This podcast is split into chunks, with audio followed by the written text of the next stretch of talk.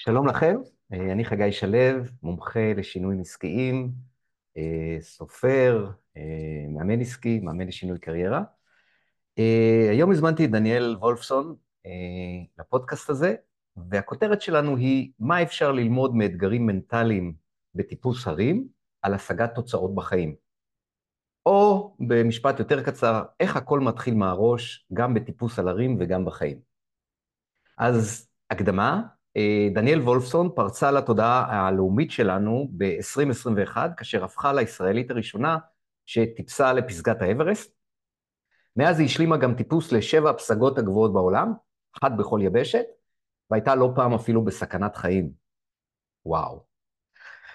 היה לי את העונג להכיר את דניאל עוד ב-2017, אה, ואז הגיעה אליי מבולבלת לגבי המשך הקריירה שלה, היא מאוד אהבה את תחביב האקסטרים שלה, אה, ופחות את עבודתה כעורך דין. אז בתהליך משולב של היבטים מנטליים ופרקטיים, אנחנו הגדרנו חזון שהפך את התחביב לעיסוק העיקרי של דניאל, והיא התחילה להגשים אותו. היום אני, אני מארח את דניאל בפודקאסט שלי כדי לשוחח על אתגרים מנטליים בטיפוס על הרים. אם נמשיל כיבוש הרים להשגת יעדים, אפשר יהיה, או השגת יעדים לכיבוש הרים, לכיבוש הרים, כן, קצת הפוך, אפשר יהיה גם להשליך מכך על איך נוכל להגיע לתוצאות טובות יותר בחיים, ולהגשים את הרצונות הכי גדולים שלנו, כמו שדניאל מגשימה. ואני, אמיג, ואני, ואני אגיד כבר שהמכנה המשותף הוא שהכל מתחיל מהראש, גם בטיפוס על הרים וגם בחיים. אז על כל אלו ועוד, אני אדבר היום עם דניאל וולפסון. שלום דניאל, וברוכה הבאה. שלום. אה, וואו, עבר הרבה זמן, ובדיוק שלחת לי את החזון, שאז כתבנו ב-2017, ואמרת לי, אני זוכרת, אנחנו ישבנו ביחד, ואכן הייתי מבולבלת, לא ברורה, לא מדויקת, ואמרת לי, אבל תזרמי, תכתבי את הדברים שאת אפילו לא מאמינה שיכול לקרות, אבל תכתבי. ואז כתבנו. ועכשיו כשאני קראתי בדיעבד לכמה כבר עבר, שש שנים, שבע שנים, הדברים כאן התגשמו. כי אז אפילו לא האמנתי. אבל שם, בנקודה הזו, שאמרת לי, רגע, תעצרי ותכתבי את זה, והנה, אני מאמין בך. את לא מאמינה, אבל אני מאמין בך, תכתבי. ופתאום אמרתי, אחד לאחד, קרה, קורה. כמובן, יש עוד דברים שאני רוצה להשלים מאותו חזון, ויש כמו, תוך כדי גם נבנה חזון חדש, אבל הבסיס הזה, אני כתבתי אז דברים שאמרתי, ראיתי ולא האמנתי, אבל הרשיתי לעצמי לחלום. כמו שאמרת, זה התחיל איכשהו בראש, ואתה האמנת. מספיק שבן אדם אחד מאמין. אפילו, אפילו עוד לא התחלנו, עוד לא התחלנו ויש לנו שתי מסקנות. אחד, גם אם אתה לא מאמין, תכתוב, ושניים, מספיק אחד שיאמין בך ויתמוך בך וילווה אותך בדרך. חד משמעי, אני זוכרת את התקופה הזו, ואני רציתי, אבל אני לא האמנתי בעצמי, וגם הסביבה. אני מבחינתי הייתי אז כישלון. אתה זוכר, באתי, אני לא מתביישת היום להגיד, אה, אולי לאנשים זה לא יישמע נעים ונחמד, אבל הייתי בתחתית שלי, בתחתית של הדברים. אני, אמנם הייתי עורך הדין מצליחה, עם שלושה תארים אקדמיים, עשיתי דברים, אבל אני לא האמנתי בעצמי, רציתי יותר, רציתי להיות ראשונה במשהו. לא בינונית, לא ממוצע, לא מתחת, ואחותי, יש לי אחות תאומה, אז דיברנו, אתה זוכר, הייתה תמיד אומרת לי, יאנה, מה את רוצה? אנחנו לא מיוחדות, לא נולדנו למשפחה מיוחדת, למה את מחשבה את עצמך מיוחדת? אבל אני בתוך תוכי הרגשתי שאני אחרת, ורציתי להיות אחרת, רציתי להיות טובה במשהו. המון שנים לקח לי למצוא את זה. אתה יודע, לא בגיל 20, לא בגיל 30, כשהגעתי אליך הייתי כבר בת 35-6. ואני נמצאת במקום כזה, אמנם במקצוע, אימא לילד, ואני לגמרי לא יודעת מה לעשות ובמה אני טובה, ואיך להיות גרסה הכי טובה. כן. ושם הנקודה הזו שאתה אימנת בי, ואפילו את הטיפ, אני זוכרת שדיברנו אז הרבה זמן איתך על, אה, בסשנים על הפרדיגמות וכל מיני דברים, ואני זוכרת, ואני לוקחת הרבה דברים משם, ואחד הדברים שפעם אחת באתי אליך ואמרתי, אני לגמרי לא יודעת מה לעשות, זה וזה וזה, ובא לי זה, ואז אמרתי, רגע, שנייה, תעצרי, תתחילי ממשהו. תתחילי לסדר את החדר. אמיתית, אתה זוכר שאמרת לי? כן. ועכשיו, את הטיפ הזה, קודם כל אני בבוקר קמה, ואני אומרת לעצמי, שנייה, אני עוצרת, מתחילה לסדר את החדר, ואז אני מתיישבת, כותבת דברים שאני רוצה לעשות ביום הזה. אמרת לי, תכתבי, תעשי, לשטוף כלים, לסדר מיטה, לנסוע לתדלק את הדלק, אה, פגישה כזו וזה, מדברים הקטנים פתאום הכל מסתדר, וזה מה שאני לוקחתי. לימדת אותי לעשות זה, רגע, תעצרי. פשוט להתחיל. תעצרי ותתחילי. פשוט להתחיל. תתחילי לטפס על האברסט. תתחילי, תעשי את הצעד הראשון. הצעד הקטן, זה כן. נכון. אתה יודע, את יודעת, הסינים אומרים שאפילו מסע של אלף מיילים מתחיל בצעד אחד קטן. וצריך להתחיל, ורוב האנשים עומדים מול ההר ומפחדים, ולא עושים את הצעד הראשון. רוצים, רוצים חולמים, מאוד, חולמים, אבל לגמרי. לא עושים את הצעד הראשון. הצעד הקטן הזה, אפילו כמו לסדר את המיטה.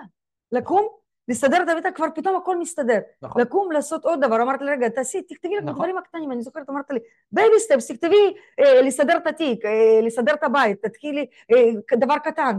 ואז פתאום הכל מתחיל להסתדר, וזה מה שאני עושה גם היום. אני קמה ואני עושה היום בבוקר בדיוק אותו דבר. קמתי, עשיתי את הדברים, ופתאום הכל מסתדר בראש. כי יש לי, יש לי הרבה דברים בראש, אני יודעת. אני זיהיתי את זה, אתה זיהית, אז יש לי הרבה דברים, הרבה מחשבות, ואם אני לא אסדר את זה בצורה כמו שצריך, אני באופן אישי, ואני לא אוכל להמשיך את היום, והכל יהיה לי בלבול. תראי, אני... את ישר נכנסת לעובי העניין, וזה בסדר, ואנחנו ישר הרמנו את הפודקאסט הזה לרמות מאוד גבוהות. אה, מפה רק להתאפס. והרמת לי, וכל פעם, כל מה שאת אומרת לי, את תמיד מרימה לי להנחתה קטנה, בסדר? אז שני דברים אני רוצה להגיד. אחד, שאת התחלת, תעשי חשבון, 2017 היית בת כמה? 36? 36, אוקיי. את התחלת בגיל 36 ואמרת, זה לא, לא, לא הייתי צעירה, לא הייתי זה, אוקיי. אני התחלתי בגיל 46. לא לטפס על האברסט, לא לעשות דברים כאלו, אבל לשנות עיסוק מקצה לקצה וללכת לעולמות חדשים, זה היה כבר מזמן, לפני שמותר לגלות, לפני 18 שנה, ו... אה, וזהו, ו... וצריך פשוט להתחיל, ו... ואף פעם זה לא מאוחר. לא משנה אף איזה פעם זה גיל. לא מאוחר, כן, אני עוד כמה שנים אמור תיאורטית לצאת לפנסיה. הצחקת אותי. בדיוק, רגע, אתה מתחיל עכשיו את ההרפתקאות שלך, את הדברים ה... אני משתגע, כן, משתגע. לא כמוך, אבל- בקטנה. אה, והנה, ואני יכול לספר, דיברנו על איך מתחילים, על להתחיל. אני אספר על זה שאני כבר, כן, מאז 2017 אני עוקב אחרייך ורואה מה את עושה וכולי, וכל פעם מדקדק לי, מדקדק לי, קצת לטפס, אני אוהב טבע, אוהב טיפוסים, אוהב את כל הדברים האלו, ואני אומר, יום אחד אני אצא עם דניאל. ופתאום מגיעה אליי הודעה ממך לפני כמה שבועות, בסוף פברואר נוסעים, אה, עולים לקילימנג'ארו. פסגה הכי גבוהה אתה ב- בא? בשנות אפריקה. אתה בא? התלבטתי יום-יומיים, ואז עשיתי את הצעד הראשון. מה הצעד הראשון? פנית אליי. להחליט, להחליט. שכן. שלחת הודעה, כן. אני, כן, לא יודע איך, לא יודע מה, ציוד, כסף. אוקיי? החלטתי שכן. ברגע שאני מחליט שכן, עכשיו כל הדברים מסתדרים. אפילו היום דניאל הביאה לי בוכטה של ציוד שחוסך לי מלא כסף כי אני לא צריך לקנות. השאילה לי. זה בכלל, אוקיי. אני אגיד לך, זה, זה, אתה כל כך צודק, בדיוק ההחלטה, ואני גם עושה את זה תוך כדי, אבל לפעמים, אם אני הולכת קצת אה, אחורה ואני מנתחת, בדיוק כל הדברים, אתה יודע, כולם אמרו לי, אברסט, ואנחנו נדבר על אברסט, כי אברסט בעצם זה ההר הכי גבוה, הפסגה הכי גבוהה, הנקודה הכי גבוהה, הפסגה של האברסט זה זה נקודה היה הכי גבוהה? על, על פני כדור הארץ, זה לא הכי קשה, זה לא אבל. זה משהו אייקוני. ברור, ואיך אני אומרת. הייתי מטפסת 70 ערים, 80 ערים, אף אחד לא שם לב. לא כי רציתי להיות מפורסמת, לא כי רציתי להיות בן אדם ציבורי, ממש לא, זה יצא, ואני מאוד שמחה שזה יצא, Mhm. דווקא כי לא חיפשתי את זה ויצא. אבל כולם אמרו, אפילו אחותי, אני, הזכרנו כבר את יאנה, כי אחות התאומה שלי, רבע שעה הבדל בינינו, היא אמרה לי, את מבזבזת על זה כסף? ברור שאני מבזבזת כסף, ברור שזה עולה המון כסף. אברסט, אתה יודע, לא, זה סוד, סוד גדול, ואני דיברתי, מסע לפסגת אברסט עולה 65 אלף דולר. עכשיו, כשאתה מקבל החלטה כזאת, אתה אומר, רגע, רגע, מה זה 65 אלף דולר? זה, בואו נחליף, זה 200 אלף שקל? כי פחות או יותר. מאיפה הכסף? כן. בדיוק. וכשברגע שקיבלתי, איך אני אומרת, הוצאתי החוצה, לקבל החלטה, לצעוק החוצה, אתה יודע, את, הח, את החלום הזה, אז היקום כבר איכשהו מסדר את הדברים. ברור, זה לא שאני ישבתי על הכורסה ולא קרה דברים, לא. פשוט הבנתי שאני צריכה להשיג את הכסף הזה. מאותה קבלת החלטה, עוד לקח שלוש שנים.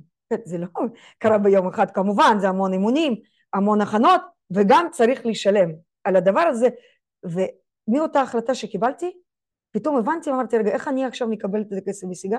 וכן, יש לי מקצוע, בדיוק דיברנו בטיול האחרון שלנו, כן. מקצוע עריכת דין, שאמרתי, איך אני, דרך המקצוע שיש לי, יש לי מקצוע, איך אני משיגה עכשיו את הסכום הזה?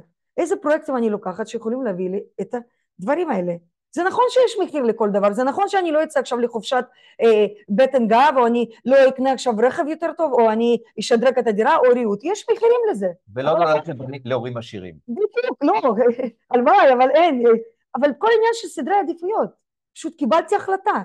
כל דבר שעכשיו יש לי, זה הולך לטובת כמובן את הקורת גג, הדברים הבסיסיים, בית, אוכל שצריך, זה לא מסעדות, זה לא חופשות יקרות, זה לא דברים אחרים, אני ממוקדת במטרה שלי. אני קיבלתי החלטה. כל עניין של החלטה. והכסף הגיע. הכסף הגיע ושילמתי לפני מה שצריך היה לשלם, לפני הזמן, כי רציתי קודם כל לדעת, כמובן פתחתי תוכנית חיסכון, שהייתה לי אה, תוכנית חיסכון, שאמרתי לעצמי, אני רוצה, איך אני תמיד אמרת לי אז, השקעה הכי טובה זה השקעה בעצמך. נכון. אמרת לי אז. נכון. לא הבנתי את המשפט הזה כמו שהיום אני מבינה. ההשקעה הכי טובה זה השקעה בעצמנו. אם זה בחוויות, אם זה בלימוד, אם זה בהתפתחות אישית, אם זה בקורסים, אם זה בכל דבר. אם זה בבריאות שלנו. בבריאות שלנו, כמובן. את יודעת, יש איזה, אני לא זוכר מי, אבל אחד מהמאמנים הדגולים אמר, שלא במילים האלו, אבל הוא אמר, העיקרון הוא, תמיד כשאתה רוצה משהו, תגדיר אותו, גם אם זה משהו שנראה לך בלתי אפשרי, או משהו שנראה לך מאוד יקר ואין לך את הכסף, תגיד שאתה רוצה, ואתה תראה ש, ש, ש, שכשאתה מתחיל ללכת בדרך ומתחיל לחפש, הכסף גם יגיע. הוא אומר, אף פעם אל תעצרו את עצמכם בגלל כסף. שזה, שזה קצת לא נורמלי במציאות שאנחנו חיים בה. ומה זה כסף? אנחנו... זה נייר. זה אמצעי שמשמש אותנו, כסף זה דבר חשוב. לא, לא, אנחנו לא, אני בדור שלי, בדור שלנו, אולי הצעירים היום האחרים, הילדים שלנו בטח חושבים אחרת, אבל אנחנו בדור, לא נעים לנו לדבר על כסף, נכון? לא נעים לנו לגבות כסף, לא נעים לנו לבקש כסף על עבודה, לא נעים. אבל ברגע שאני קיבלתי החלטה על אברסט, אתה אומר, זה המון כסף. אז אמרתי, רגע, שנייה, אף אחד לא נותן לי את המסע לפסגת אברסט ללא עלות חינם. אז עכשיו אני כעורך הדין, אז 15 שנים, 17 שנים מהניסיון, הולכת להתמקצע בנישה, והולכת גם לבקש תמורת העבודה של כסף בלי להתבייש, ועל זה עבדנו. אתה זוכר כמה לא היה לי נעים לבקש כסף, ותמיד הייתי מוכנה לעשות בהתנדבות, ומאוד כעסת עליי, אמרת לי, לא, הנה, זה מה שעולה העבודה שלך. ואמרתי, לי עכשיו אין ברירה, אני צריכה את הכסף הזה לשלם. לא בגלל שאני צריכה... אני אמרתי שאני אתאפק לאברסט, אני הולכת לעשות את זה. בדיוק, ואז לא התביישתי גם לבקש עבור עבודה, וככה הכסף, איך אמרת? פתאום היקום סידר את זה, זה מטאפורית, כן, יקום אה, פתאום, אבל ברגע שאתה כותב, וכמו ש... אתה כותב את היעד הזה, אפילו אין לך אמצעים, אתה לא מוכן, אתה חושב שזה בלתי שכותבת, דברים מתחילים להסתדר ואתה מתכוון לדבר הזה. והנה עובדה, אני אומרת, אני, אני תמיד אומרת, גם בהרצאות שאני אומרת, אני כנגד כל הסיכויים. אנשים לא האמינו. היחידי שהאמין בי ב-2017 זה חגי שלם, אמיתית, בן אדם היחידי שבאתי אליו, והוא האמין בי, והוא ראה בי משהו אחר. למה האמנתי בך, את יודעת? אני לא יודעת עד עכשיו, אבל ראית משהו בי אחרת, אני לא יודעת אפילו איך להסביר. בואי אני אגיד לך משהו. לא היית מיוחדת, היית לקוחה מבין הרבה לקוחות. אני אפריורית, כשמגיע אליי מישהו ואני שומע שיש לו חלום, אני אפריורית מאמין שהוא יכול להגשים את זה. את יודעת למה? למה? וולט דיסני אמר, אם אתה יכול לחלום את זה, אתה יכול לעשות את זה. זה הכל, ואני נורא מאמין בזה. אני מאמין בכל, יש לנו פוטנציאל בלתי נורא. אבל נתת הרגשה כזו שאני הכי מיוחדת ואני יכולה הכי יכולה. נכון. זאת הרגשה שהרגשתי שם, לא, לא אמרתי אני יותר לקוחה, יותר טובה, בכלל לא חשבתי, אני חשבתי על עצמי ואתה ראית בי סוף סוף אותי. ראיתי את החלום שלך? לא אמרת לי, את אה, קצת אה, טרולולו, ללך אה, תמצאי לך עבודה במשרד אחר. בחיים אני לא... לא אמרת, להפך. אמרתי, אבל חגי, אני רוצה להעצים נשים, ואני רוצה להיות האישה הישראלית הראשונה. אמרתי, תתפרי, אז התפרעתי עם החלומות, לא באמת האמנתי. ואתה האמנת, ואתה זרמת ואמרת לי, כן, בוא נחשוב איך עושים את זה. וזה באמת הנקודה הזו, 2017 זו נקודת אל חזור, אני אומרת נקודה לטובה, שמפה התחילו דברים, כי משהו קרה שם. משהו קרה שם. והנה, באתי אליך, השקעתי, אמר, הרגשתי שאני צריכה משהו, לא ידעתי מה, וקיבלתי המלצות עליך ובאתי אליך, ורציתי שאתה תכוון אותי, תסדר לך, אני אומרת, תסדר את, את, את, את הנביגייטור שלי בתוך הראש שלי, תסדר את, את ה-GPS שלי בתוך הראש שלי, וסידרת. תסתכלו, תסתכלו איזה פצצת אנרגיה זו דניאל הזאת, תסתכלו איך אפילו, לא התחלתי לשאול אותה את השאלה הראשונה אפילו, ברח, היא נכנסת, היא כזאת אנרגטית, והיא כל... אני לא ראיתי אותה אף פעם פחות אנרגטית. אולי ב-2016-2017 שהייתה קצת מדוכאת. כן. אבל האנרגיות שלה הן אנרגיות בלתי נדלות, והאנרגיות האלו מגיעות מבפנים ומגיעות מחזון, מתשוקה, מהגשמה, ממימוש עצמי, מאושר, אושר בחיים, מאושרת. זה מה שקורה למישהו שמגשים חזון. ועכשיו אנחנו נחזור אחורה. בוא נחזור אחורה. בסדר? אחרי הקדמה ארוכה הזאת. חשוב, אני תמיד אומרת, חשוב גם היסטוריה וחשוב לחזור אחורה לגמרי, לגמרי, זה מאוד חשוב. סבבה, מאה אחוז. אני תכננתי לעשות את זה, ותכף אולי גם אני אקרא חלק מהחזון שלך, אה, אבל אני, אני רוצה לחבר את זה לכאן ועכשיו ולקדימה, בסדר? אז אה, ספרי רגע מה את עושה היום. מה בימים אלו, מה את עושה, במה את עוסקת, איך את מעבירה את יומך, איך את משלבת באמת בין הטיפוס לבין העריכת דין? זהו, וואו, כן. אז היום לקח לי הרבה זמן להגיע להגדרה, וגם אה, אפילו אני אומרת, אתם יודעים, לא להתבייש להגיד את הדבר הזה, שהיום אני עורכת דין, היום אני מרצה, היום אני מדריכת טיולים, וגם מטפס סתרים. זה נשמע פרדוקס, עורכת דין, מדריכת טיולים, גם אני עם תוך אני, עם עצמי אומרת, רגע, מה, למדתי שלושה תארים אקדמיים, הציעו לי למסלול דוקטורט, ללמד באקדמיה, ועכשיו אני מדריכת טיולים? אז כן. דווקא ארגז הכלים הזה שרכשתי כעורך הדין, לקחתי, ועכשיו היום אני משלבת בעולם האתגר, האודור, יחד עם הדרכה. וזיהיתי שאני טובה בזה. אז זו הגדרה ככה הגדולה עליי, ביום יום. תמיד אומרים איך את עושה את זה. אז קודם כל אני קיבלתי החלטה וגם אז איתך קיבלנו החלטה, מנקודה נקודה אנחנו חוזרים מ-2017, קודם כל להיות עצמאית. כי הבנתי, כי אני חייבת לשלוט על הזמן שלי. לא, אני לא אומרת שאנשים עכשיו לכו כולם להיות עצמאים, וזה גם אופי מסוים, כי יש הרבה גם סיכון בזה, אין גם ביטחון בזה, אנשים שאוהבים את הביטחון ושקט, כמובן זה מאוד מורכב, אבל אני הבנתי שאני צריכה להיות עצמאית, זאת אומרת לשלוט על הזמן שלי, לתכנן את הזמן שלי, וגם למצוא נישה מסוימת, שאולי אפילו אה, מעט מאוד אנשים מתעסקים בישראל, על מנת להיות טובה בנישה מאוד מאוד מצומצמת ולהיות שם הכי טובה. ולהיות רווחית מאוד. להיות רווחית.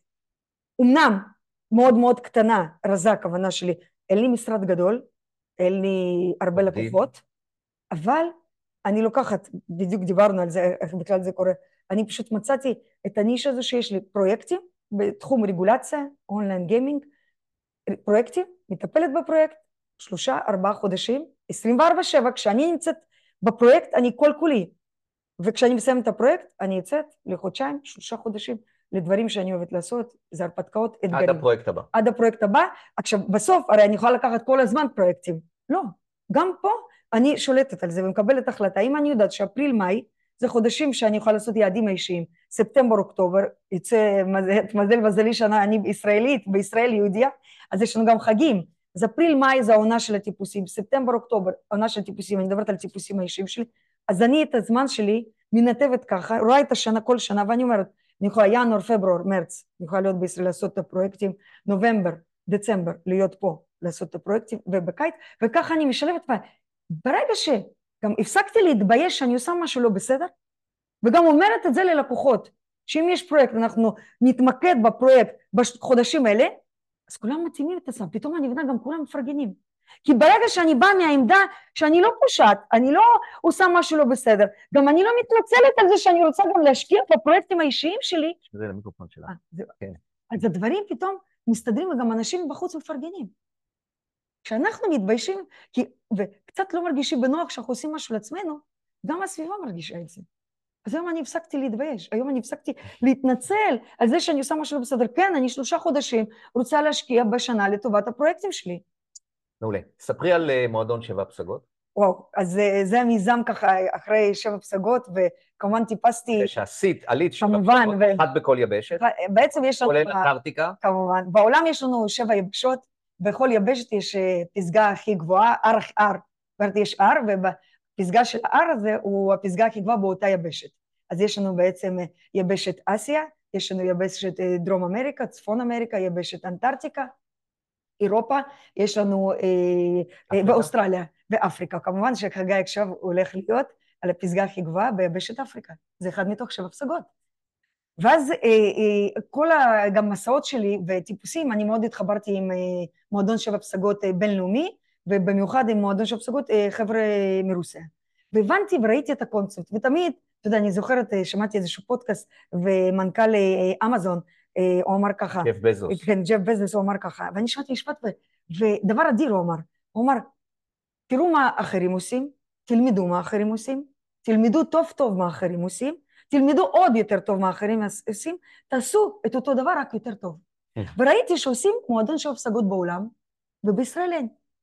וראיתי את הקונספט הזה, וזה מה שככה נולד הדבר הזה, מועדון שבע פסגות, בעצם מועדון שבע פסגות שבין מטריה בית לעולם הטיפוס, לעולם האודור, וכרגע בישראל יש לקונה, אין, זאת אומרת זה יכול לעלות אה, דבר טוב אה, שלענות לצרכים, שבעצם במועדון הזה, כמובן, אני מדברת עכשיו וירטואלי, אני בחלום שלי כמובן שיהיה איזשהו בית כמובן פיזי, mm-hmm. אבל במועדון הזה יש כמובן הרבה אה, כתבות עם ערך מוסף, בכלל, על אולם טיפוס, על אה, מקומות, על ציוד, על מחלת גבהים, על, על בכלל איך להתכונן נכון, איזה תוכניות, וכמובן להוציא מסעות, משלחות, לכל היבשות.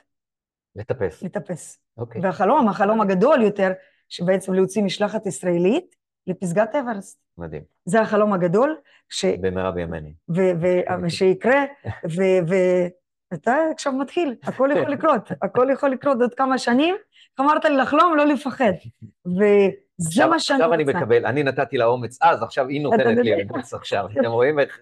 הגלגל מתהפך לו. ובמועדון הזה גם יש לי אה, תחת נישות, שכמובן מועדון יהיה woman on the top, בעצם רק נישה עבור אנשים, שבעצם אני כאישה יכולה גם, אני אומרת, יש לי את הזכות הזו, את הפריבילגיה הזו בכלל, להראות שגם נשים יכולות, ואז דיברנו על זה המון.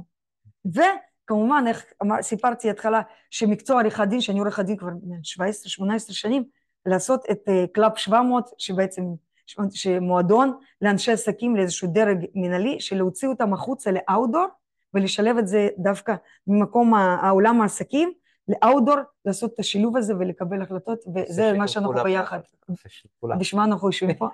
חגי, הכל נבע מהדברים האלה, אנשים, וזה בדיוק מה שאז דיברנו, ולא ידענו, אני לא ידעתי איך להגדיר.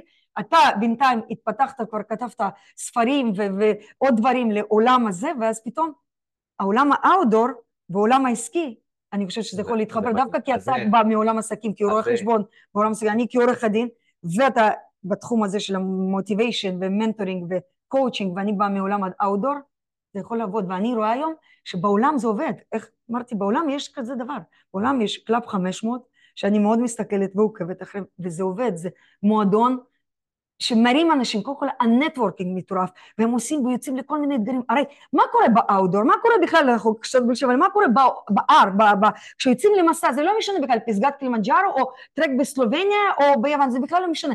כשנמצאים שם בהתמודדות פיזית, וכשהמקום הטבע, אני אומרת, ההר מפשיט את הבן אדם, פתאום הדברים יוצאים, ואנשים שם as is, אמיתיים, והכל יוצא, ומשם זה מתעצם. ואני מאמינה בזה. והכלים שאתה יכול להביא, מעולם העסקים, מעולם הקואוצ'ינג שלך ומעולם אני, מה outdoor, זה יכול לצאת, וואו. מדהים. בואי נלך לענייננו, כן. כי זה פחות מעניין נכון, את, נכון, את, הלקוח, נכון. את, ה, את המאזינים שלנו. לגמרי. Uh, אני רוצה לקרוא חלק מהחזון שהגדרת ב-2017, ואני כבר אבוא ואגיד שאת החלק הראשון של החזון הזה כבר הגשמת, אבל יש לו גם חלק שני. ובואו, ותכף נקרא אותו. זה לא הכל, החזון הוא יותר גדול, אבל היא, היא כתבה ככה: אני הישראלית הראשונה שמטפסת לשבע פסגות הגבוהות בעולם. אחת בכל יבשת. הטיפוס מרתק אותי. זה ספורט גברי שנשים יכולות להצליח בו. אני פעילה בארגונים שמקדמים זכויות והצלחות לנשים. אני מובילת דעה בעולם בנשיות ובהצלחה נשית, ונותנת השראה לנשים אחרות למסוגלות ולהצלחה. אני מארגנת מסעות אתגריים לנשים שמוציאות אותן גדולות. אני מסייעת לנשים להיות משפיעות יותר, לפחות שוות לגברים, לקדם יזמויות נשיות ואת מעמד הנשים בעולם. וואו, וואו. אז זה מה שכתב, ב-2017, כן. מזל שחגי שומר הכל. ו... אני שומר, הכל שומר. וואו. שבע פסגות וי. וואו. עכשיו, ספרי קצת רגע על כל הנושא של העצמה נשית. מה, מה שם בוער בך, ו... וואו. ו... ומה, ו... ואם יש תוכניות, מה התוכניות? אם אין תוכניות, אז אני אשלח אותך לעשות שיעורי בית, תעשי תוכניות. קודם כל כן. כבר וואו, איזה חזון, אני, יש לי צמרמורת, שכתבנו אז, ואמרת לראות את התמונה העתידית. אמרת, תראי את, את עצמך העתידית. נכון. וואו, זה, אז זה לא היה כלום, כן? רק לספר שב-2016 לא היה כלום. לא כלום. לא, לא, וואו. הייתה אז... בחורה מדוכאת שלא יודעת מה היא רוצה לעשות בכם. בדיוק, היה פה בפנים ולא ידעתי איך להוציא החוצה חד משמעית. ווואו, אה, אה, אז ככה. אז קודם כל, כמובן, אז טיפסתי הרים, ו... הייתי אה, כותבת ו- ומפרסמת קצת פה ושם, וזה ככה לא נגע יותר מדי. וכמובן המסע לפסגת אברסט, וכאישה ישראלית הראשונה כאישה לעמוד על הפסגה, זה פתח, איך אני אומרת, זה פרץ את כל הגבולות. אחרי שחזרתי, קיבלתי אלפי, אלפי הודעות, וואו. ובמיוחד mm-hmm. קיבלתי גם מגברים, גם מנשים, וקיבלתי המון המון מנשים. נשים כתבו שלא מכירות אותי, כתבו לי, כמובן ברשתות המדיה, כתבו לי, וככה אני אומרת, נעזרו אומץ וכתבו, מישהי כתבה לי, בזכותך הבנתי שאני רוצה לפתוח איזשהו עסק בתחום אפייה, בזכותך הבנתי שאני יכולה לעשות גם וגם, ורוצה לעשות את זה, ולא האמנתי בעצמי. מישהי כתבה בזכותי, היא קיבלה החלטה שהיא רוצה אה, בנושא הזוגיות. מישהי כתבה לי שאני פתחתי לה מה שנתת לה אומץ, ופתאום נשים, וומן, כתבו לי, בלי ש... רק דרך הסיפור שלי, ודרך עצם זה שהצלחתי להגיע לפסגה ולעמוד כאישה ולהראות שזה גם אפשרי, כי בישראל עוד לא הייתה אישה, נשים כתבו לי, לא בכלל לא על הטיפוס, אלא בנושאים אחרים לגמרי. והבנתי, יכול להיות שזה הסיפור שלי. זה הוא... היקום מאותת לך. מאותת לי. הוא ממש מאותת לך, אומר לך, תקשיבי, מה שאת עושה נותן השראה. כן. וזה מחובר לחזון הזה שאת כתבת. נכון. אני לא עושה מספיק. וזה משהו שבוער בך. אני לא עושה מספיק. אני עוד, אין לי, אין, לי, אין לי תוכנית ברורה, ובדיוק גם על זה דיברנו, ואמרתי שאני אצטרך אה, לבוא ולקבל ממך הכוונה לתוכנית ברורה. אני כן, בהרצאות שלי, אני כן רואה נשים, נשים בוכות, מתרגשות, מגיעות אחרי, אחרי הרצאה אליי, מחבקות אותי ואומרות לי שהבנתי מה אני צריכה לעשות. אני בזכותך הבנתי איפה בדיוק, איך אני יכולה לעשות, ואני יכולה. ועכשיו, צריך גם, איך אני אומרת, לכתוב חזון מדויק בנושא הזה, ואת הפעולות, מה צריך לעשות. כמו שדיברנו, woman on the top, כוונה זה woman, שכל אישה תעמוד על הפסגה שלה. בסוף, okay, כל אני, אישה... אני רוצה להרגיע כן. אותך, hopefully, אינשאללה, יש לך עוד הרבה שנים, ו, ו, וכבר בכמה שנים הגשמת משהו מאוד מאוד גדול, ו, ואני בטוח שגם זה יקרה. עם עזרתי או בלי עזרתי, הדברים האלו יקרו, וזה חשוב. זה חשוב מאוד שקיבלת את הדברים האלו, היקום אותת לך, יש משהו בך שנותן השראה לאחרים, ו, ו, וכש, ו, ודיברת על צמרמורת, וגם לי הייתה צמרמורת, ובעיניי, בשבילי צמרמורת זה, זה סוג של אישור. זאת אומרת, כשאני מרגיש צמרמורת, אז אני יודע שמה שקורה עכשיו, מה שאני אומר, או הדברים, ש... התובנות שיש, הן נכונות, הן אמיתיות. אז uh, בסדר, אז יש לך עוד מה לעשות בעולם הזה, תודה לאל. יש, יש חיים אחרי האברסט, ואחרי שבע פסגות, יש עוד מה לעשות. לגמרי, לגמרי. טוב, בואי נצלול לנושא, הייתה לנו הקדמה מאוד מאוד ארוכה אבל חשובה, אה, כי אני חושב שכבר הפכנו הרבה אה, אמונה ב, ביכולת ובביטחון עצמי, קצת להבין גם איך, איך הגשמות קורות, שזה מתחיל מחזון, מתחיל מתכונת, מתמונת דמיון, אה, כותבים את זה, אה, ו, ו, ו, ולאט לאט משם עושים את הצעדים הראשונים ומתחילים. והחזון שלנו, הכוח שלנו, התשוקה שלנו, אם הם מדויקים, ואיך יודעים אם הם מדויקים או לא מדויקים? אה, זה טוב. התלהבות, פחד, כן, אפילו איזשהו פחד, נכון, נכון. פחד כזה. לא נכון. פחד פיזי, פחד כזה שמפחיד. נכון, נכון. התחושה. הזו. נכון, יש אמרה יפה שאומרת, חזון טוב ילהיב אותך המון וגם יפחיד אותך מעט. אה, יפה, אני אפילו רושמת, כן. ילהיב אותך המון. ילהיב אותך המון, אבל גם יפחיד אותך. יפחיד אותך. והפחד מגיע מהמקום הנמוך שלנו, שהוא צריך הישרדות, והוא לא מעניין אותו לכבוש או כל מיני דברים, הוא חס וחלילה זה מסוכן, ולכן להישאר באזור הנוחות, שאני קורא לו גם האזור הנחות והאזור הנכות. זה, זה, זה, זה כאילו, אז, אז, אז למה? אז לכן גם פחד זה סימן. עכשיו, מה הבעיה של מרבית האנשים שיש להם חלומות גדולים והם לא מגשימים? שהם נכנעים בפחד. וזה משתק. זה משתק. זה משתק. הם, אם לא יודעים להתמודד עם הפחד, כן. הם לא מבינים, יש גם, אפשר גם להשתמש בפחד כדחף. זה סיכול אה, אותיות. בדיוק. להשתמש בפחד כדחף. נכון. כלומר, כלומר, אה, אה, כל דבר שאנחנו עושים שהוא מעבר, מחוץ לאזור הנוחות, הוא מפחיד, וזה בסדר, אוקיי? אבל אם אנחנו לא נותנים לפחד הזה לשתק, אם אנחנו מתחברים לחזון, ומאוד מאוד חשוב להתחבר לחזון, אני אומר ברמה של, אני, אני כבר שנים קורא כל בוקר את החזון שלי, אוקיי? סיפרת לי, אני הייתי קצת מופתע, אמרת, כל בוקר אתה קם וקורא. כן, נכון, אני קורא את החזון שלי כל בוקר, ואני מזכיר לעצמי, ואני בכלל אומר שזה לא שלי יש חזון, זה לחזון שלי יש אותי. זאת אומרת, אני קם בבוקר, אם אני לא, אם אני לא, אם אני לא מגשים את החזון שלי, אם אני לא פועל להגשים את החזון שלי, אז אני מרגיש לא טוב, חסר משהו, אוקיי? אז כמו שלא תעשה אימון בכושר ביום שאתה צריך לעשות, הרגשה לא טובה. אתה פוגע בבריאות שלך, נכון. אתה פוגע בייעוד שלך. נכון, בעצם אם אתה לא מבצע את החזון שלך, אתה פוגע בייעוד שלך. נכון, אני, אני פוגע בייעוד שלי ומשהו חסר. כן. וזו תחושה שהרבה אנשים מסתובבים עם תחושה של החמצה, עם תחושה של תסכול, אוקיי? You've been there, I've been there, אוקיי? היינו שם. כי היה שם איזשהו calling, גם אם הוא עמוק עמוק בפנים, לא ידענו אותו, אז ברגע שמוציאים אותו, וואו, יצא לעולם, לזה, עכשיו אי אפשר להתעלם ממנו, יצא לאוויר העולם, אי אפשר להתעלם ממנו, אוקיי? אז זה מה שדיברנו עד עכשיו בערך בחצי שעה הראשונה, ועכשיו אני רוצה לצלול לנושא שלנו. אנחנו מדברים על היבטים מנטליים בטיפוס על הרים, והשאלה היא, מהם האתגרים המנטליים העיקר, העיקריים שם בדרך לפסגה? את התראיינת אולי מאז שחזרת, לפני שנתיים וחצי כבר, בעשרות פודקאסטים בטח, ודיברת על המון המון דברים, על הקשיים פיזיים, כל זה, אולי גם דיברת על הצד המנטלי, היום אנחנו רוצים לדבר רק על הצד המנטלי. מה, אה, מה האתגרים המנטליים כשאת מטפסת על הרים במקומות שקשה, במקומות שיש מזג אוויר, במקומות של סכנת חיים, מה האתגרים העיקריים שם? קודם כל אתה צודק, דיברתי והתראיינתי, תמיד דיברתי אה, ככה בגדול על המסע, על הדרך, אבל לא התמקדנו אף פעם באתגרים המנטליים ואיך בכלל מתמודדים שם. אנחנו עכשיו אה, דיברנו והראינו, וואו, כי הכל נראה אה, ורוד ויפה, לא, לא, זה לא ככה, גם בחיים לא ככה, וגם בערים יש כל כך הרבה אתגרים והתמודדויות שם, בתוך המסע, כבר שאני נמצאת, המון דברים.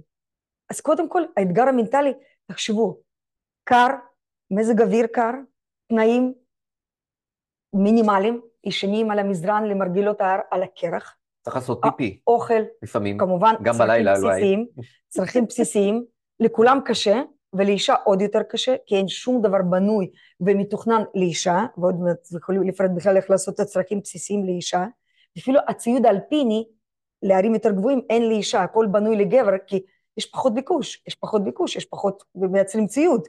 אז למשל כל החליפות הטיפוס עם ריששים, הכל מתוכנן כמו לגבר. וכמובן... עושים, 아, עושים פיפי מקדימה. מקדימה, אבל אישה מורכב מאוד, אז אישה צריכה, בקבוק לא יכולה, אז היא צריכה איזשהו, כזו פייה מיוחדת להכניס, ומאוד מורכב. וכמובן אני כבר לא מדברת על ההיגיינה הנשית, על המחזור של האישה, אי אפשר להתעלם מזה, זה דברים שקורים והטבע לא, לא מעניין את, אם אני על ההר או לא, ושם כמובן יש את האתגרים האלה, וכמובן המנטלי אני מתכוונת מבחינת המצב הנפשי, ושם איך מתמודדים. אז קודם כל, אז אני, מה שאני עושה, אז לפני שאני יוצאת למסע, אני כותבת לעצמי דף, וזה גם עבדנו עם חגי, אז לכתוב, קודם כל לכתוב, אנשים קצת היום לא כותבים, אז אני כותבת ואני אומרת, לפני שאני מקבלת החלטה האם לצאת לאתגר מסוים, אני כותבת בעד ונגד. כשאני כותבת עם הדף, אף אחד לא יסתכל על הדף, אני כותבת את כל הפחדים שלי, בעד ונגד, מה מפחיד אותי, מה יכול לקרות, mm-hmm. מה טוב, מה לא טוב, אני ממש מחלקת את הדף לחצי, ככה, עם ה... לאורך חצי, בעד ונגד. ברגע שאני סיימתי לכתוב, ואחרי תהליך של שעה, שעה וחצי, אפילו זה יכול לקחת יום, לכתוב עוד יום, להשלים, אני עושה קו, אני ממש עושה literally ככה איזה עסקה וכותבת לצאת או לא לצאת, וברגע שאני מקבלת החלטה לא לצאת כמובן אז הכל נדחה פעם הבאה, כשאני כותבת החלטה לצאת, ואני כותבת לעצמי לצאת עם סימן קריאה, שלושה סימן קריאה, אני יותר לא שואלת למה אני צריכה לעשות את זה. ברגע שאני קיבלתי החלטה לצאת, וכשאני נמצאת בשדה תעופה, ואולי שמעתם, אני סיפרתי אפילו, בשדה תעופה בבן גוריון, לקראת, מה המסע לפסגת אברסט, אני מדברת על המסע לפסגת אברסט כי בעצם המסע הוא מאוד מסוכן, גם מסוכן שאפשר לא לחזור. הבן שלי אריאל חיבק אותי בשדה תעופה, במיוחד הגיע מארצות הברית, ביקשתי ממנו, הוא הגיע, ליווה אותי, הוא חיבק אותי ואמר לי, סוף סוף נפל לו אסימון שאני יוצאת בשדה תעופה בבן גוריון. שעה לפני טיסה הוא אמר לי, אמא, אם יקרה לך משהו, אני לא יודע איך אני אוכל להמשיך לחיות, אין לי אף אחד חוץ ממך.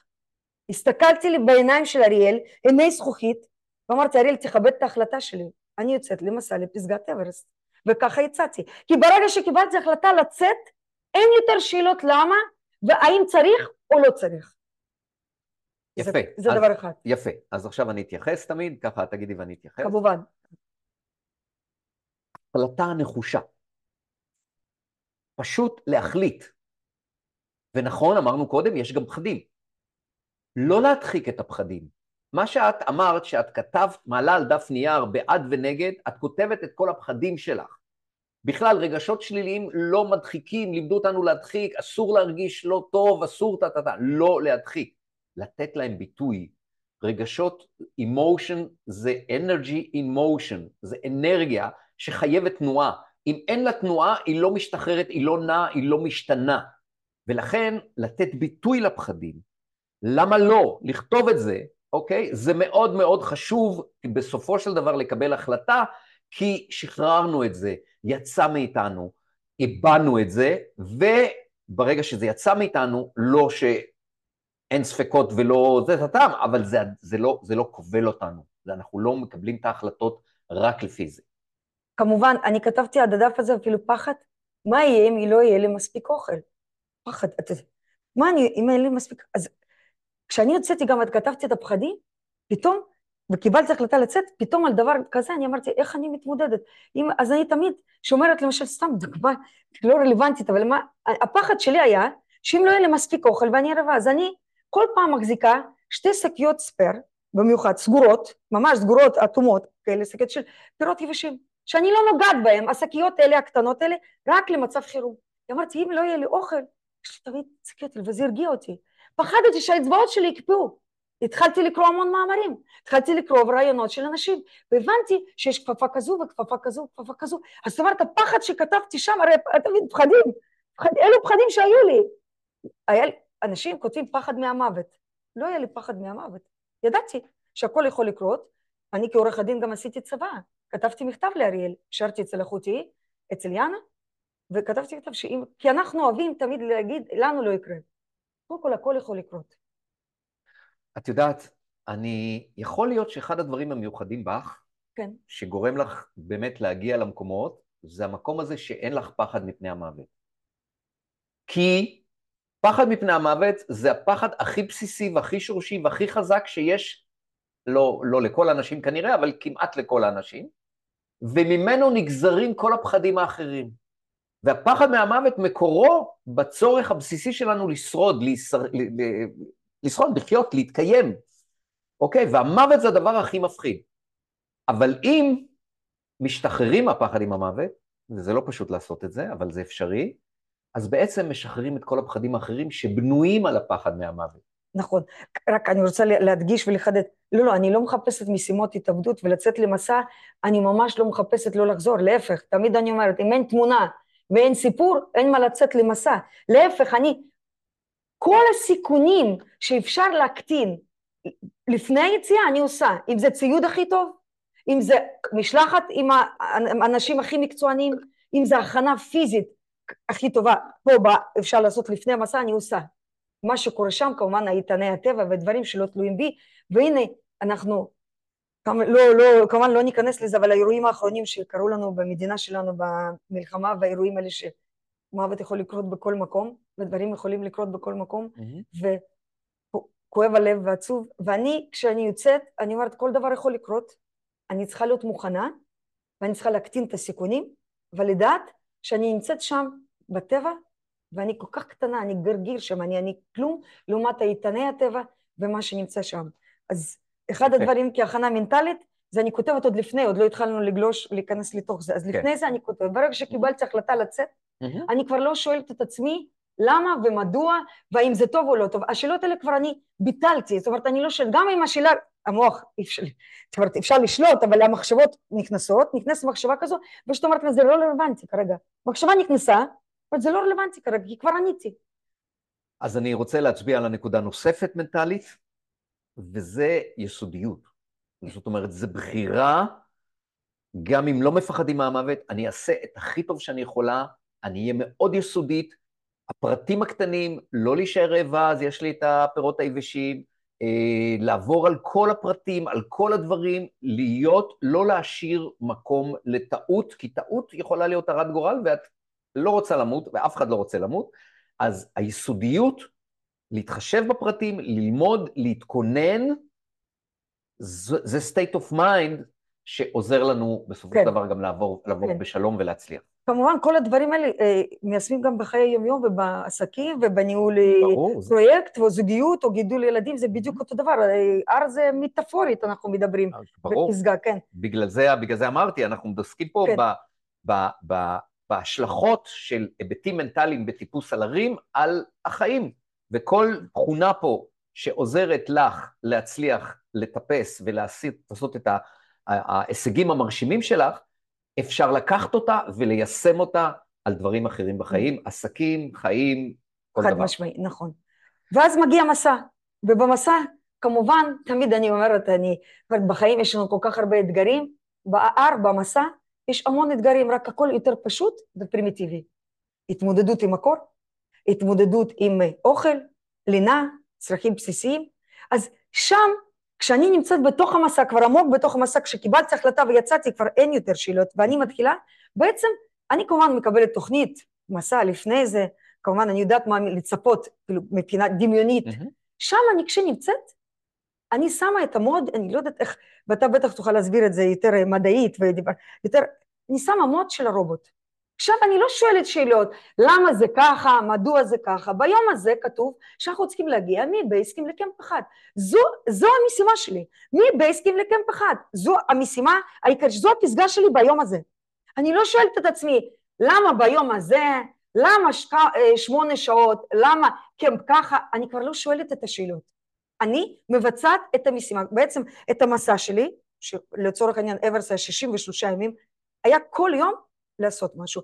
האם זה יום אחד לעשות מבייסקים עד קם אחד? זו המשימה שלי. היו ימים שכתוב, גם בתוכנית היה כתוב, ותקשיבו, יש יום מנוחה, אומרים יום התאוששות מנוחה. יום הזה כמו שזה נשמע, יום מנוחה. עכשיו, זה לא יום מנוחה ולעשות עוד דברים, זה יום מנוחה, זה לשכב בתוך האוהל, בתוך השק שלה, ולא לעשות כלום.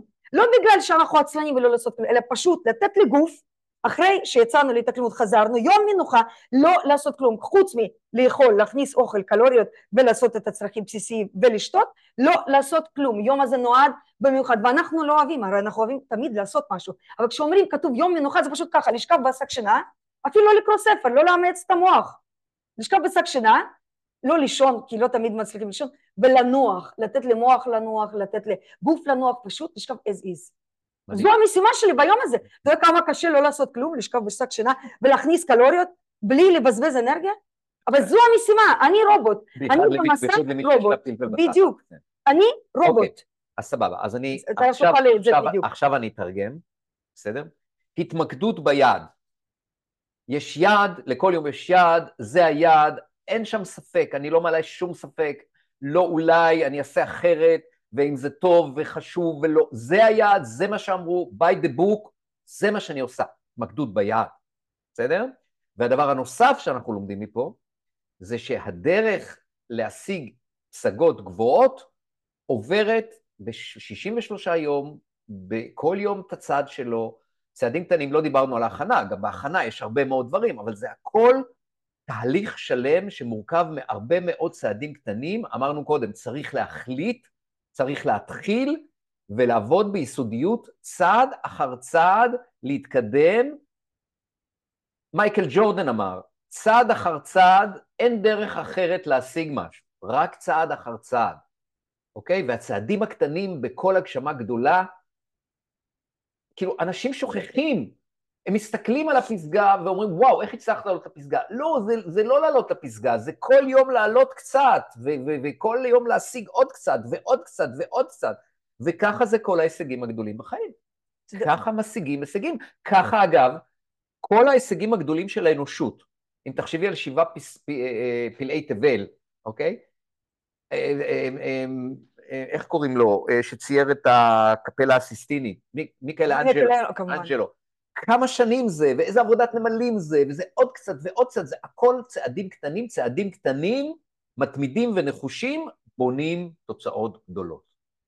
אפילו אפשר לקחת, שוב, מה שקורה אצלנו עכשיו על הצבא.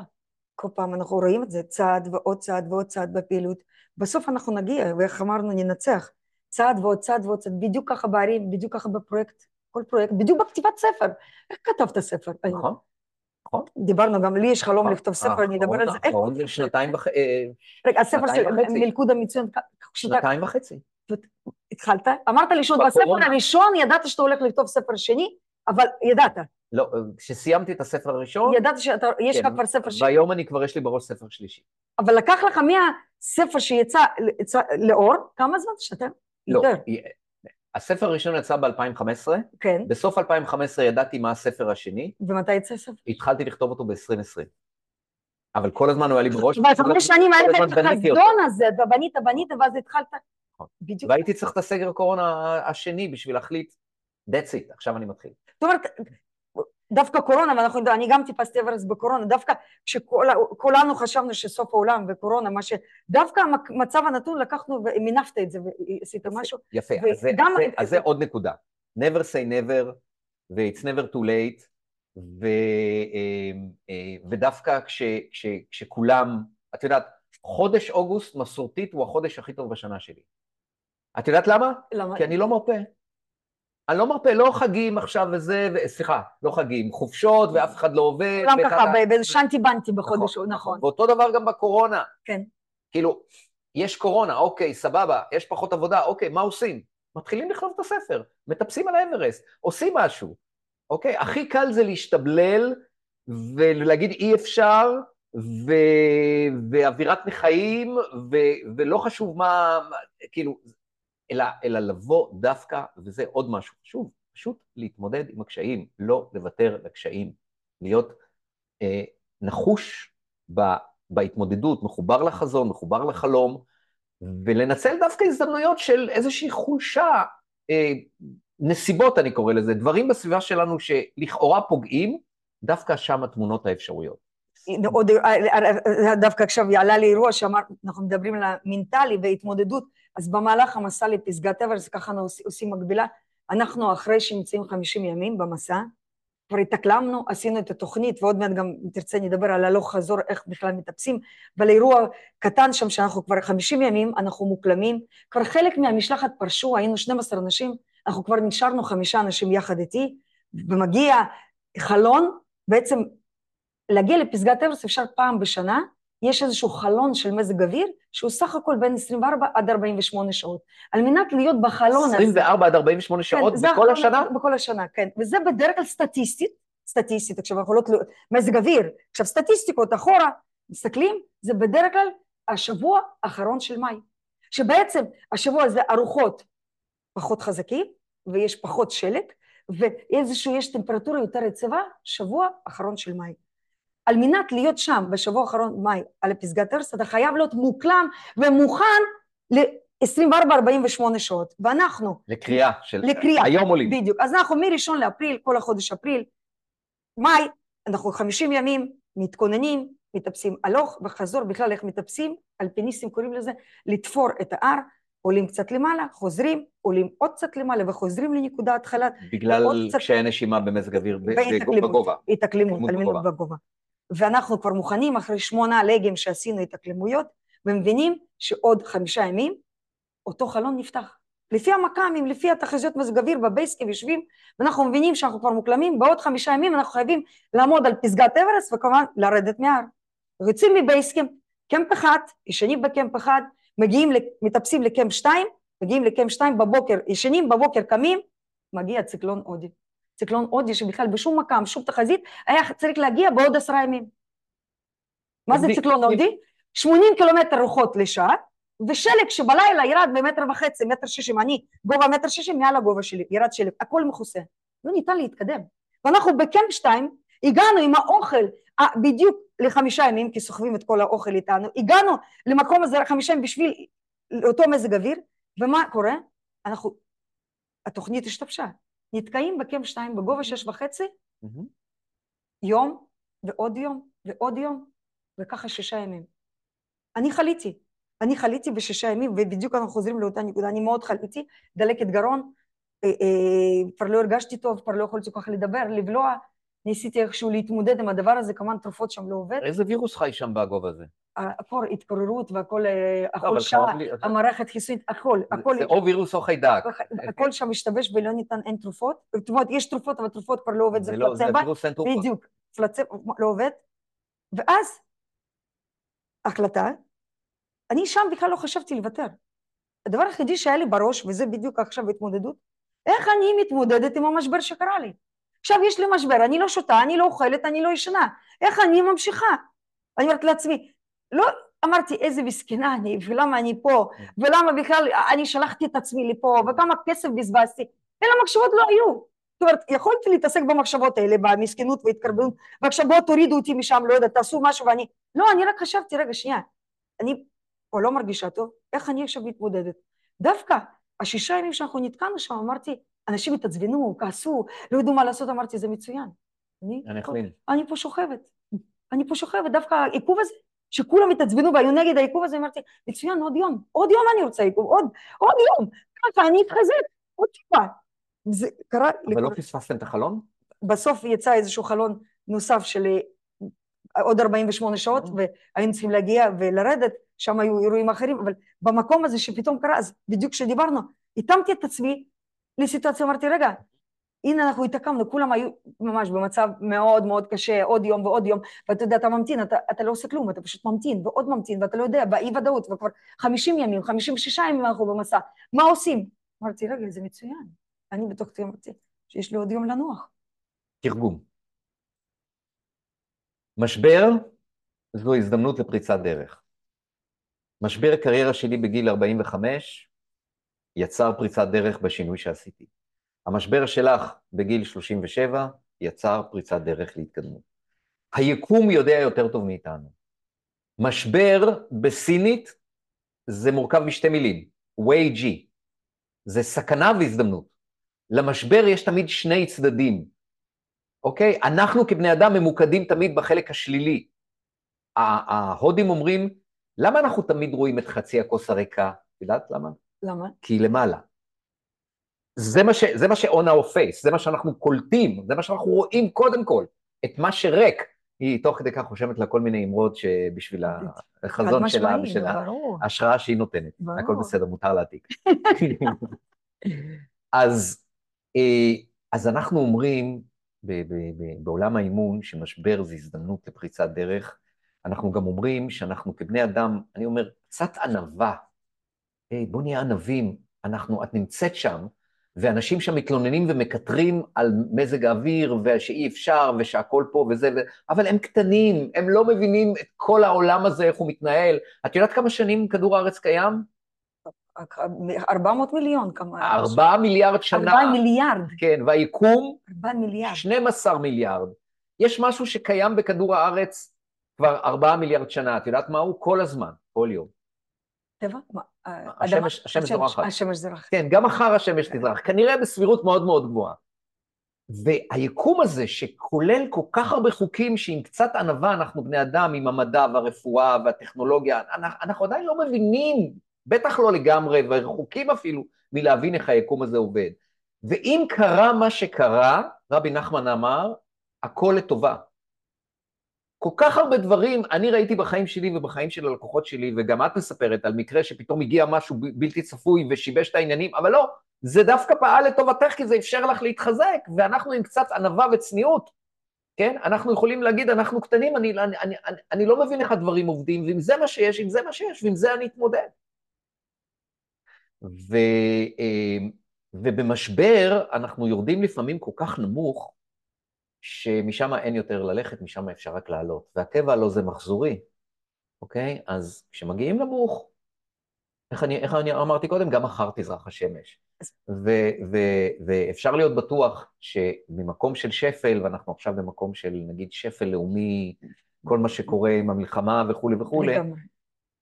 ואת יודעת משהו? זה אפילו, יש אפילו הוכחות אחרי מלחמת העולם השנייה למשל, שהעולם היה בכאוס ובבלאגן נורא גדול, הייתה צמיחה, היה בום מאוד מאוד גדול. נכון. למי שנולד אחרי מלחמת העולם השנייה, קוראים baby boomers, בגלל הבום שהיה אז, כן, ילדי הבום. ו- ואחרי מלחמות יש צמיחה, וכן, יש מחזוריות. ולכן גם אחרי משבר תגיע פריצת הדרך. במקרה שלך זה תרתי משמע, לעלות לפסגה. בדיוק. אז יש המון התמודדויות מנטליים, והתמודדות מנטלית כל הזמן קיימת שם בתוך המסע, ופשוט, לא, מעולה, מעולה.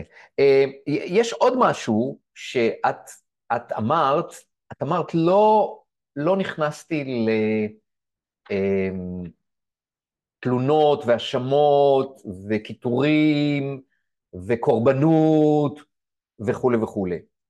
וזה בעצם משקף איזושהי גישה חיובית, איזשהו אופטימיזם, איזושהי, באמת, דיברנו על חצי הכוס הריקה, לא, אני רוצה לראות את חצי הכוס המלאה, אוקיי? אני אומר שבכלל בחיים שלנו, אצל רוב האנשים, האנשים ששומעים אותנו, הכוס שלהם היא 80 ואפילו 90 אחוז מלאה. ובואו נתמקד בכוס המלאה, בואו נתמקד באפשרויות, בואו נתמקד בהזדמנויות, בואו נתמקד במה, במה שטוב, אה, אוקיי? בואו לא נעסוק ברע, כי עיקרון הפוקוס אומר שמה שאנחנו מתמקדים בו גדל. אז אם אני אפילו מקטר ומתלונן, את יודעת שאפילו קיטורים ותלונות, שזה מאוד politically correct, זה מאוד מאוד מחליש אותנו, כי זה כאילו משדר למוח הלא מודע שלנו, שיש שם משהו אחר שהוא מחוצה לי, והוא מפריע לי, והוא פוגע בי, ואולי אפילו אין לי שליטה עליו, אוקיי? ועל רוב הדברים מסביבנו אין לנו שליטה, יש לנו דבר, שליטה על דברים מאוד מצומצמים בחיים שלנו.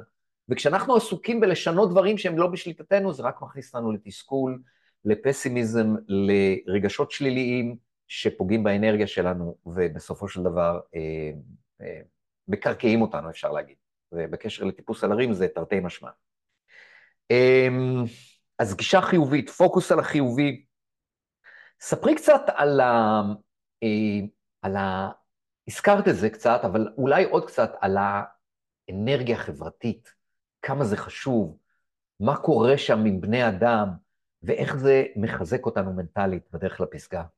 וואו, כן, זה נושא מאוד מאוד חשוב. אה, בכלל, בעולם הספורט, אתה יודע, יש ספורט יחידני, זאת אומרת, אנשים סוליסטים, ויש קבוצתי. אז בטיפוס, בסוף בטיפוס, אני מדברת על ביום הפסגה, כל אדם עם עצמו. בכלל טיפוס, זה טיפוס, עולם טיפוס, זה טיפוס עולם אגואיסטי. כי בסוף כל אדם עם עצמו, ביכולות שלו, מתאפס והוא מצליח, מגיע לפסגה וגם יורד מהר. אבל כשנמצאים במשלחת... אי אפשר לתקשר בכלל, אי אפשר לתקשר, ביום כזה של כל אחד עם עצמו, אנחנו עסוקים במאמץ פיזי וזה, כאילו... לא מבזבזים לא את האנרגיה על המילה. זה לא שהולכים בטיילת, או אפילו נכון. נגיד בטיול הכנה שעשינו בטיפוס, אז זה בסדר, אז זה טיפוס, אבל אפשר לדבר וכל זה, מעביר את הזמן. נכון. פה בפסגה, בדרך, בשלבים האחרונים, אתה, אתה עם עצמך, את אומרת. לגמרי, וזה לא רק אני עם עצמי, אני גם מאוד אגואיסטית, במות של הישרדות, וגם מה שמסביב, ותמיד אני אומרת ומספרת, כי מה שקורה בערים, ובמיוחד בערים גבוהים, מעל שמונת אלפים, אין שם הצלה, אין שם חילוץ, אין שם שום עזרה. גם אם אני רואה שנמצא לידי אדם שהוא מרגיש לא טוב, או שזקוק לעזרה, אני לא יכולה לעזור לו. זאת אומרת, אני הולכת בשלבים שכבר הם משתמשים בבלוני חמצן, הולכת, וזה מצ, מצב מאוד אגואיסטי וסוליסטי. אז זה יום הפסגה, אבל אני ארד קצת למטה, כי הכל לא מתחיל מיום הפסגה. ברור. הכל גם מתחיל מהכנה. הרוב. בדיוק, אתה דיברת בדיוק על הכנה בישראל, והרי המסע, כשיוצאים למסע, יום הפסגה הוא קורה עם, זה הר גבוה, זה יכול לקרות בעוד חודשיים. חודשיים צריכות לשרוד על ההר. ושם האלמנט החברתי הוא יותר חשוב מכל דבר אחר. האלמנט החברתי הוא משפיע על המצב רוח, על המצב המנטלי, על החוסן נפשי, ואם יש אנשים שם שנמצאים יחד ויש חיבור טוב, ואיך אני אומרת, באוהל שיושבים ביחד לא מדברים שם טולסטוי וצ'כוב, כן? מדברים על שטויות, על טרמו, על איזה גרב סמים ועל פיפי וקקי. אבל עצם זה שאנחנו כולנו מדברים על השטויות והאייקו שם לא משנה. ואני טיפסתי עם אנשים לא עם הון מיליונים, מיליארדים, בעלי חברות, הון עתק, זה לא משנה, כולנו אוכלים מאותו סיר, כולנו נמצאים באותו אוהל והמעמד חברתי בכלל או סטטוס כלכלי בכלל לא מעניין אם זה אה, אה, מוכר בחנות קטנה ואם זה שוטף כלים ואם זה אה, מנכ"ל של חברה שיש לו אה, עשרת אלפים עובדים. ואני טיפסתי עם אנשים כאלה זה כלל משנה. אנחנו כולנו שם שווים. בשביל, על ההר? לא משנה בכלל מה המעמד שלך, אתה אוכל מאותו סיר, אותו אוכל, עושה שירותים באותו בור, או בקבוק, או ישן באותו אוהל. והמרקם האנושי, המשאב האנושי, הוא מאוד מאוד חשוב שם, כשכולנו יחד, בעצם כולנו יחד מחזקים באנרגיה. ברור שאם יש מישהו שלילי, ומישהו מקטר, אז הוא מחליש את כל הקבוצה. ואם יש מישהו חיובי ובא עם אנרגיה אחרת ואיזשהו וייב חיובי, אז כמובן זה מרים את הקבוצה. Mm. אבל שוב, בתוך הקבוצה הזו, ביום החשוב, יום הפסגה, אני נמצאת לבד, אני עם עצמי, אגואיסטית, סוליסטית, נמצאת במוד הישרדותי, והיד שלי, השאיפה שלי, היד הוא אישי. בסוף היעד הוא אישי, להגיע לפסגה ולרדת מהר, לחזור בשלום הביתה. אז זה, זה מעין פרדוקס כזה, שמעין קבוצה זה חשוב, אבל גם בחיים, בחיי היום שלנו, אנחנו אומרים, חברה זה מאוד חשוב, יש לנו, איך אני אומרת, מדינה ואחדות. mastermind mastermind, זה. המקום שאנשים כן. מתקבצים ביחד כן, ומפרים אחד את כן, השני, אבל בס... ויוצרים שלם שהוא גדול מסכום חלקיו. יפה, נכון, כמו בסינרגיה, נכון, נכון. נכון, אבל סינרגיה. בסוף, ביום ה... איך אני אומרת, היום, היום, שעת, שעת, בשעה החשובה, יום העין ושם. יום העין, בדיוק שעת, ש... אתה נמצא לבד שם. אתה נמצא לבד שם, וצריך להבין שיכול לסמוך, אני יכולה לסמוך רק על עצמי. כי ברגע שאני רוצה להפיל אחריות על מישהו, או להטיל אה, סמכויות על אחרים, זה לא יקרה. אני צריכה לבוא כמה שיותר מוכנה, כמה שיותר עם ידע מקצועית, לדעת אם קורה משהו, בלון חמצן, חבל, אה, אה, חיבורים, אה, כל דבר שיכול לקרות, אני צריכה לדעת להתמודד עם עצמי ולסמוך על עצמי. מעין אוקיי. מה- עוד אתגרים מנטליים בטיפוס על הרים שלא דיברנו עליהם? עוד אתגרים, כמובן געגועים, אפשר, געגועים, כמובן האוכל, המחסור באוכל שנמצאים שם. ומה שאני, ככה אני, אני, איך אני מתמודדת עם זה, אני אומרת לעצמי, זה מצב זמני, זה לא החיים שלי. קודם כל זה מצב זמני, אני נמצאת פה, קיבלתי החלטה, אני נמצאת פה חודשיים. זה לא החיים שאני חיה בתנאי, תת תנאים, ישנה באוהל, זאת אומרת, אני לוקחת את עצמי, איך אני אומרת, זום אאוט, אומרת, אני עכשיו נמצאת חודשיים במקום הזה, שבוע, שבועיים, חודשיים במקום הזה, אני, לא כפו עליי, אני קיבלתי החלטה, בחרתי להיות במקום הזה, יצאתי מאזור הנוחות, נמצאת שם, כל הגעגועים וכל הדברים, אני מנתקת, כן, מטאפורית, אני אומרת, אני עושה ניתוק, כרגע אני לא מתמקדת בזה, ואני נמצאת שם, וכשאני מוצא, חוזרת למקום הנוח ונעים וכיפי, אז אני מרשה לעצמי גם להיות אה, אה, יותר אה, אה, חלשה ויותר ככה אה, רכה, אבל שם, אני נמצאת שם, ואני אומרת, זה מצב זמני, אני בחרתי ואני נמצאת שם ממוקדת למשימה. זה ככה. את, את מדברת על דיבור, דיבור עצמי חיובי.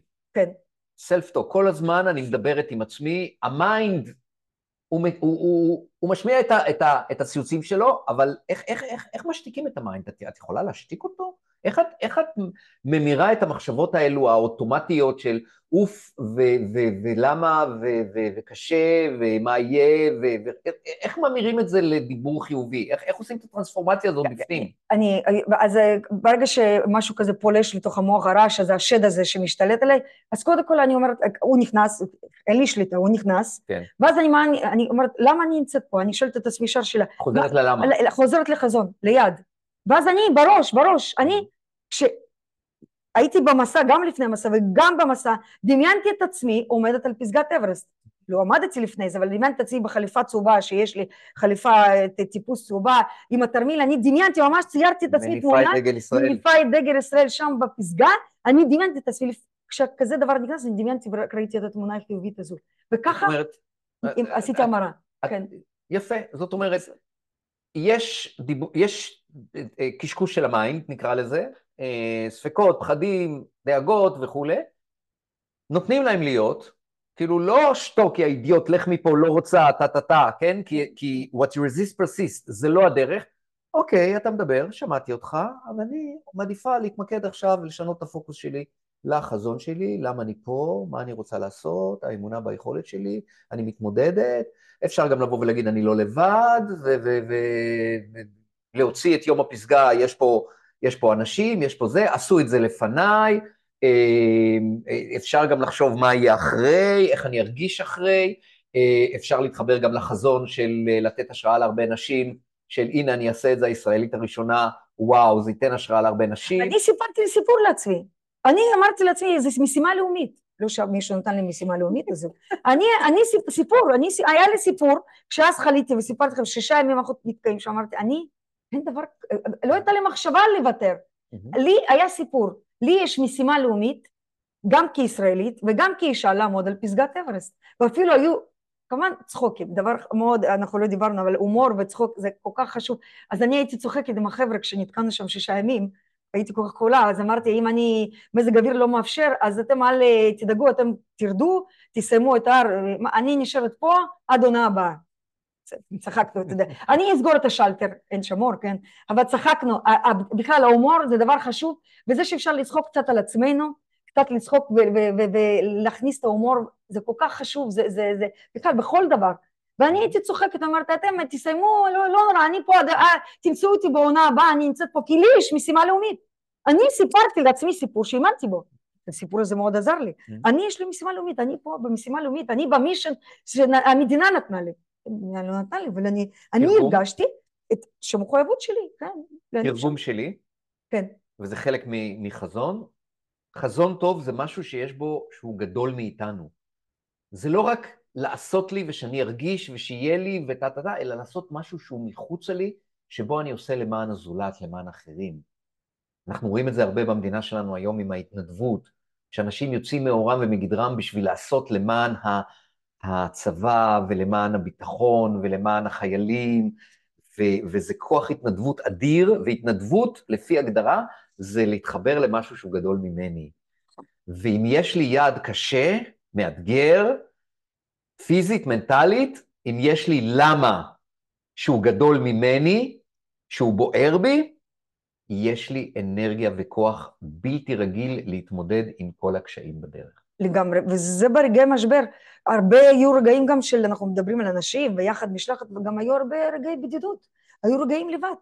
והייתי מדמיינת. ספר לא הבאתי, כי כל דבר כזה משקל, כמובן לא סוחבים, שום דבר, אין שם טלפון סוללה, חוסכים, אין שם התנה. אני הייתי מספרת לעצמי סיפורים, סיפורים בראש עם החזון הזה.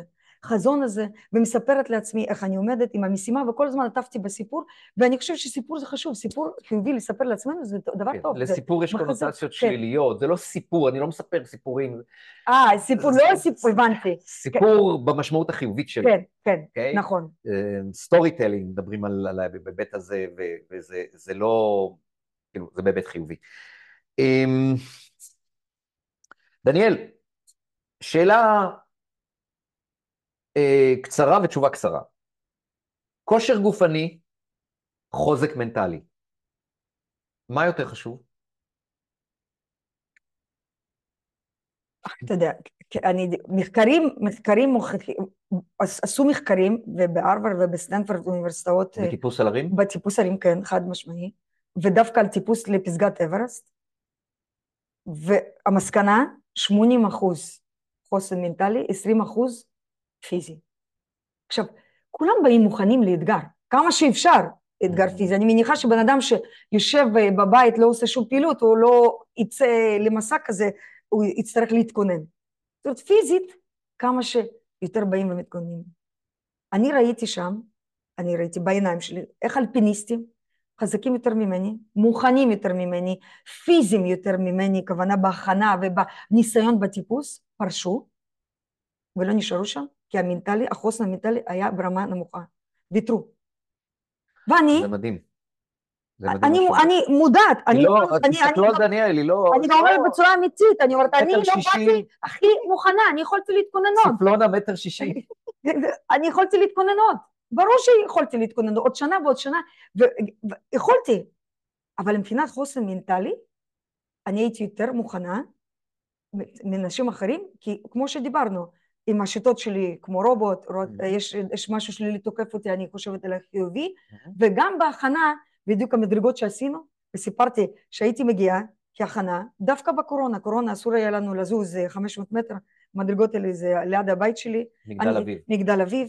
יש שם 72 קומות, 1440 מדרגות, הייתי אומרת לעצמי, עכשיו אני יוצאת ליום עבודה, לוקחת חמישה בקבוקי מים, שמה שם למטה, ויוצאת, ועושה עשר פעמים, 15 פעמים, הלוך חזור. עשר פעמים הלוך חזור? כן, כן, הלוך חזור.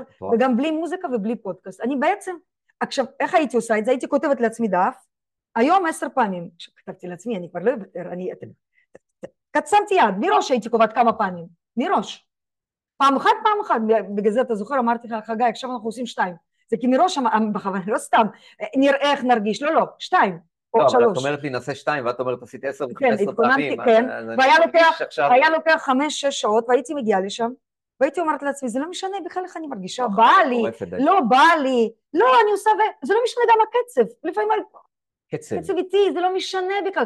אמרתי לעצמי עשר. פעמים, זה לא משנה לי באיזה שעה אני אסיים, גם אני אסיים בלילה, עשר פעמים, התמדה. והייתי עושה. והייתי עושה את זה בלי מוזיקה, בלי פודקאסט, בכוונה הייתי מכניסה את עצמי שבאיזשהו פעם חמישית, שישית, פתאום המחשבות מגיעות, דברים מגיעים, כל הדברים, הפחדים. התאמנת בהתמודדות בס- עם, המחשבות השליליות. סימולציות, כן, מדהים, כן. מדהים. וראיתי בדיוק אנשים חזקים, איך, אז המנטלי 80 אחוז. יפה.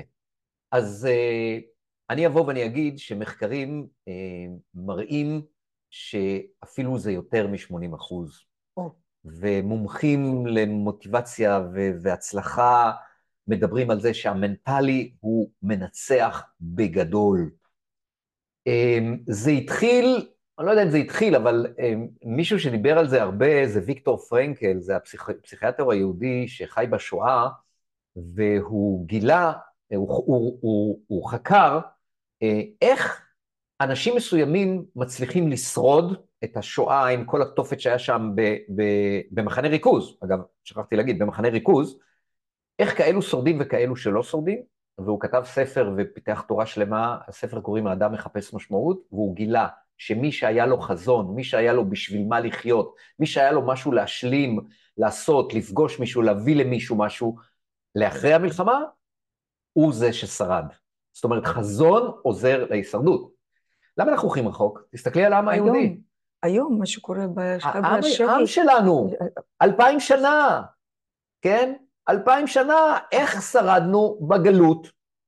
אלפיים שנה, כאשר עמים אחרים כלו. השבויים שלנו, חזון. החטופים שלנו נכון. שחזרו מהשבי, הם דיברו, ששמעו שם משהו שדואגים להם, החזון, התקווה הזו, זה מה שנתן להם את הכוח. זה מה שנתן... נכון. זה, זה זה קיים ברמת הפרט הזה, וזה כן. קיים ברמה של כן. עם. כי ליהודים תמיד היה חזון שיבת ירושלים, לשוב לירושלים. לשוב לירושלים, לשוב לארץ הקודש, לארץ אבותינו. משהו גדול. וזה מה שהחזיק אותנו, אחד הדברים שהחזיק אותנו בגולה, מה שנקרא, בגלות, אה, עם הרבה פיתויים חומריים והרבה אה, אה, התבוללות, שהיה מאוד מאוד קל לעשות את זה, והרבה אנטישמיות שחווינו, וזה לא היה כבוד גדול להיות יהודי.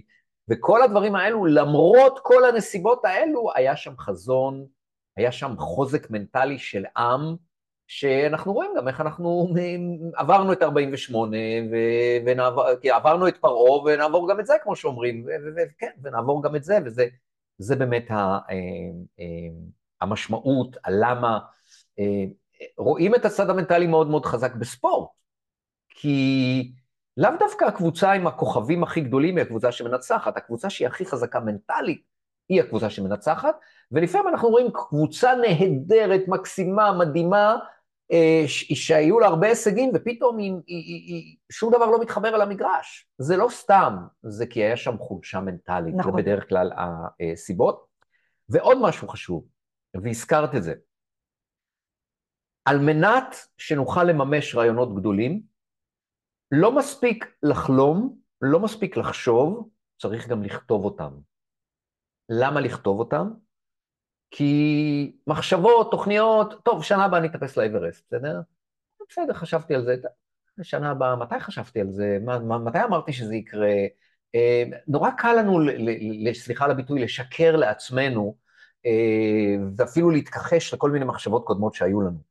אבל אם אני כותב, וזה בכתב, זה עדות, אה, אה, איך לקרוא לזה? עדות חותכת. זה, כתבתי שזה החזון שלי וזה מה שאני הולך לעשות, ואני קורא את זה, ואני נפגש עם זה, ואני אני, אני, אני לא יכול לשקר לעצמי, כי רוב האנשים לא שקרנים, אוקיי? אבל אם יש את הפתח, אז אולי זה יקרה, אבל אם, אני, אם לא, אני לא אשקר לעצמי, ואז אני אמצא בתוכי את הכוחות, את האנרגיה, את הצד המנטלי, שיעזור לי, אה, יעזור לי להגיע שלנו. אני- אני- אני לא, לא הבאתי, אבל אה, אני אשלח לך, הבאתי. היה לי כתוב, אברסט, אני, שנת 2020, 20, הייתה שנת קורונה, אז זה נדחה 2021 בשביל שנת קורונה, אבל היה לי כתוב, לא רק לכתוב, לכתוב גם עם מועד, לכתוב גם את הפירוט, מה היעד הגדול, ואז לרדת ואיזה יעדים הקטנים על מנת להגיע ליעד הגדול, את אה, אה, התוכנית, ממש לעשות לכתוב, פשוט לכתוב. לכתוב ולפרט, ועם המועדים. לא, לא, אני אטפס על אברסט, אלא אני אטפס אברסט בשנת 2025, מי שרוצה, או כן. ממש להגדיר את זה, יותר לכמת את זה. נכון. זה, אלו, אלו עקרונות מאוד מאוד חשובים ל, אה, ליעדים. אמ, המקום הזה, שבו, שבו את אה, עורכת דין ועובדת לפי בסיס הצלחה, מותר לגלות את זה? מותר כמובן, חד משמעית. איפה, איך, איך, איך, כאילו, איך את, איך את עושה את זה? איך, איך, איך את, כאילו, גם שם יש חוזק מנטלי ואמונה ב, ביכולת שלך להצליח, ואני אני אצליח בעבודה הזאת שאני עושה בשביל הלקוח ואני אקבל את הכסף, נכון? ספרי קצת על, ה, על ההיבטים המנטליים שם, ש, שמן הסתם משיקים ומגבילים להיבטים מנטליים של טיפוס על הרים. בדיוק, זה ממש אפשר אה, להגביל את זה ככה גם בעסקים וגם בטיפוס. אז קודם כל, גם באינטראקציה עם הלקוח, mm-hmm. אנחנו באים ונפגשים, ולקוח יש יעד, לצורך העניין, להוציא רישיון, איזשהו רגולטורי, בתחום אה, אונליין. בעולם. בעולם. לאו דווקא בארץ. כן, בעולם.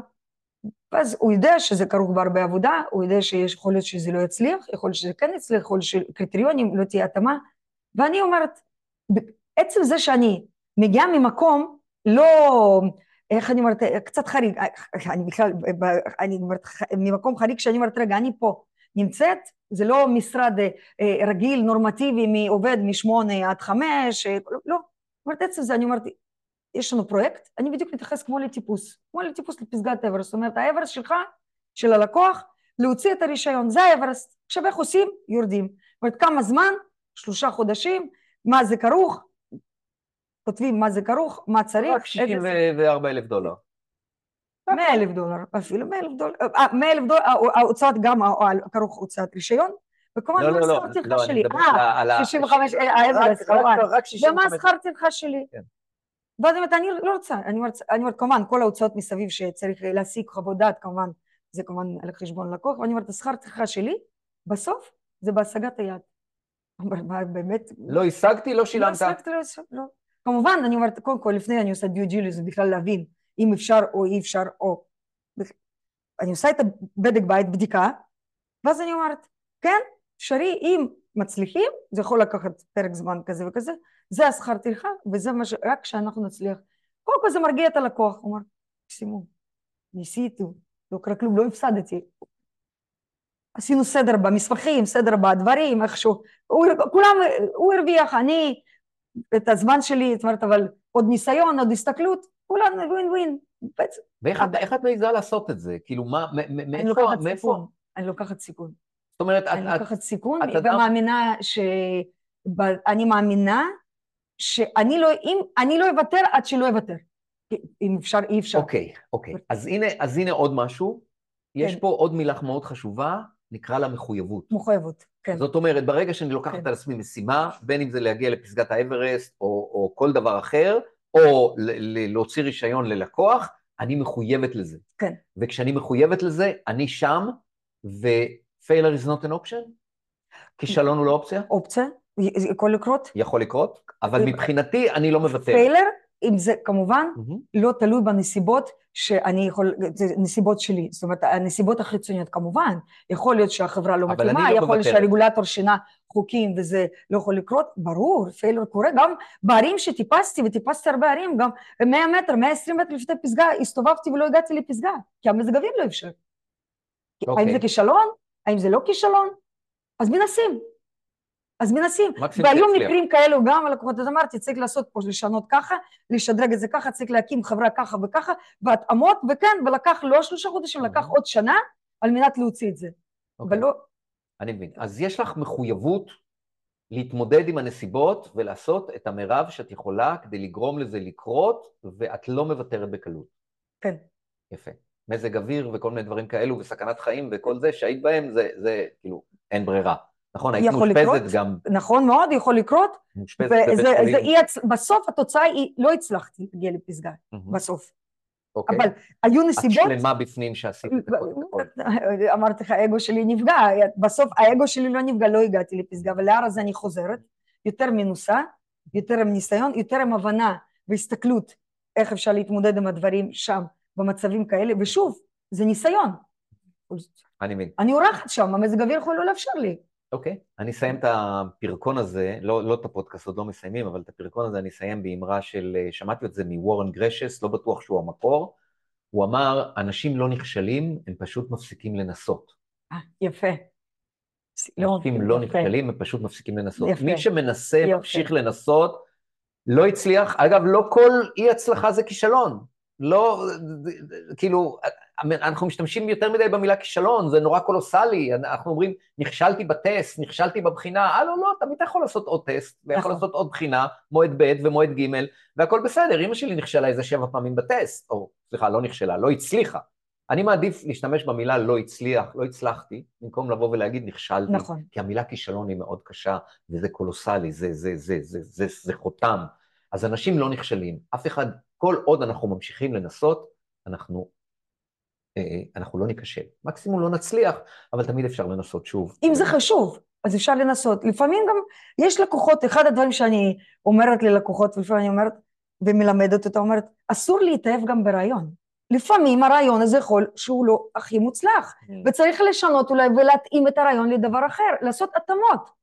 אסור להתאהב. זאת אומרת, אני גם לא מתאהבת בהר, אני מאוד רוצה, אבל אם ניסיתי כמה פעמים ולא נתן לי, וההר לא אפשר לי להגיע לפסגה, אז צריך לחשוב על אופציה אחרת ולהגיע להר אחר, לפסגה אחרת, ל, ל, או... בזמן ל, אחר. בזמן אחר. זאת אומרת, לא להתאהב ברעיון הזה וללכת ככה, לא. תמיד יש התאמות. להיות, גמ- איך אני אומרת, אה, גמישות מחשבתית. יפה. כן, אז רגע, זה זה חשוב. עוד משהו. זה עוד זה משהו חשוב. שחשוב בטיפוס על הרים, לא וחשוב גם, אפשר- עם כל הנחישות. וההתמדה והמחויבות, צריך גם שתהיה גמישות מחשבתית. כן, ואיזון של הסיכויים והסיכ... ו- סיכונים. אה, אה, סיכויים וסיכונים, נכון. סיכויים וסיכונים. אוקיי, וזה שני הצדדים של אותו מטבע, אגב. כן? אמרנו קודם, סכנה, הזדמנות, כן. משבר. אה, אה, בכלכלה אנחנו אומרים שככל שהסיכון גדל, הסיכ... גם הסיכוי גדל. יפה. כלומר, נכון. אין סיכוי, אין תשואה גבוהה בלי לקחת סיכון. צריך לקחת את הסיכונים בצורה מחושבת, ולגדר סיכונים, ו- וכאילו יש הרבה דברים בעסקים שאפשר לעשות עם, ה- עם, ה- עם המקום, לא לשים את כל הביצים בסל אחד, כל מיני דברים שעוזרים לנו אה, אה, זה. אוקיי, אמ, טוב, אנחנו, אנחנו לקראת סיום, אז אם יש לך עוד אה, הרבה דברים חכמים להגיד, ויש לך, אני יודע, אז תגידי. אמ, מה, מה, אנחנו התחלנו עכשיו את שנת 2024, מה התוכניות שלך ל-2024? מה את רוצה להגשים ככה בשנה הקרובה? וואו, אז קודם כל אני רואה, זאת אומרת, לא ספציפית. תיזהרי, זה מוקלט. נכון, לא ספציפית 2024, אני בכלל רואה, כאילו, בגדול. כן. כאילו, בגדול, זאת אומרת, אה, אה, הפרויקט 14 הערים הכי גבוהים, להמשיך. 14, שבע לא מספיק, שבעה לא מספיק, 14. זהו, שבע זה בכל יבשת. עכשיו, בעולם יש ערים גבוהים, ערים גבוהים זה מעל 8,000 מטרים, אוקיי. הר אברסט הוא הכי גבוה, כן. ויש 14 ערים מעל 8,000 מטרים. זה נחשב 14 הערים הכי גבוהים בעולם. אוקיי. כולם נמצאים ברכס הימאליה, שבעה בנפאל, חמישה בפקיסטן, שניים בטיבט. זאת אומרת, Mm. ככה ערים פרוסים, כולם באזור האסיה, האזור אוקיי. ה- אסיה. ולהמשיך בפרויקט הזה. אומרת, שכמה מתחם עשית אה, כבר? שלוש. שלושה ערים. והרביעי לא, זאת אומרת, ערים. 120 מטר לפני פסגה נאלצתי להסתובב, אז אה, נמשיך. אה, אומרת, זה פרויקט אישי שלי, היעד היעד האישי שלי הגדול בעולם הטיפוס. אוקיי. כמובן, זה לא אומר רק ערים האלה, זאת אומרת, זה הרבה ערים מסביב, הרבה קורסים, להתמקצע ועוד להתמקצע ולהתמקצע. אוקיי. בתחום אה, שכבר נגענו קצת, כמובן, מועדון שבע פסגות, לפתח את זה, זאת אומרת, להוציא את זה לפלטפורמה אינטרנטית, של זה אני עובדת אה, אה, דיגיטלית, להכניס עוד תכנים, להוציא משלחות, עכשיו לפחות להוציא משלחות היעד אה, אה, אה, בכל רבעון מהמם. משלחת, זאת אומרת ליעדים אחרים, משלחות להרצות, להמשיך להרצות, וגם אה, ככה אה, אחד החלומות, אחד, לכתוב ספר, ספר ילדים, ספר ילדים, בדיוק כתבתי שיש לי ילדים. ספר מה- על ילדה, אמרתי ספר ילדים וספר על ילדה, שככה אפילו כתבתי לעצמי על מה הספר. העצמה נשית לילדות. ילדות, בדיוק, אפילו, הנה, כתבתי, ביקשת לי ככה כמה דברים לכתוב, אז אמרתי, אפילו כתבתי, זה הספר על ילדה שעברה תאונה קשה, שברה את הרגל והרופאים לא האמינו שתלך שוב, בעצם זה האירוע שיש לי, הרי תאונה הייתה לי, יש לי פלטינות ברגל ימין, אה, אוקיי, מאיזה גיל? לפני 11 שנים, הייתה לי 11 תאונה. ואפילו אימא שלה אמרה לה שהיא לא תצליח, והילדה מחליטה שלא תיתן למוגבלות הזו להגביל אותה, והיא חולמת שהיא הולכת שוב ורוצה לעשות משהו גדול. היא חולמת בגדול, רוצה להוכיח לכולם שהיא גם יכולה, מחליטה שתעמוד על כל פסגה הכי גבוהה בכל יבשת. ספר על גיבורה אמיצה עם מוגבלות ברגל שלא מפחדת לצאת למסעות קשים, מורכבים גם אם רק הבנים ורק עשו את זה לפני, ואין ילדות שעושות את זה. ספר שמספר על כל יבשת בעולם ועל ההר הכי גבוה בכל יבשת, על כדור הארץ וכמובן על עוד דברים שפוגשת שם, ועל חיות וחברים ושטח ומזג אוויר. מה, אז יש פה עשרה ספרים, לא ספר אחד. זה ככה איזשהו חלום אה, שלי לכתוב ספר על ילדה. אז הנה, תקני את החזון, אני כותבת סדרת ספרים, לא ספר. סדרת, אז לא חשבת על הסדרה? סדרת ספרים. סדרת ספרים. אז ילדה זה ככה חלום שלי, שאני רוצה ככה לעשות, וכמובן מה שדיברנו, מועדון של הפסגות, mm. אה, מועדון Women on the Top, נשים במועדון club mm. 700, אמרנו שיתוף פעולה ביחד, לעשות אולם עסקים אאוטדור, לעשות את זה יחד.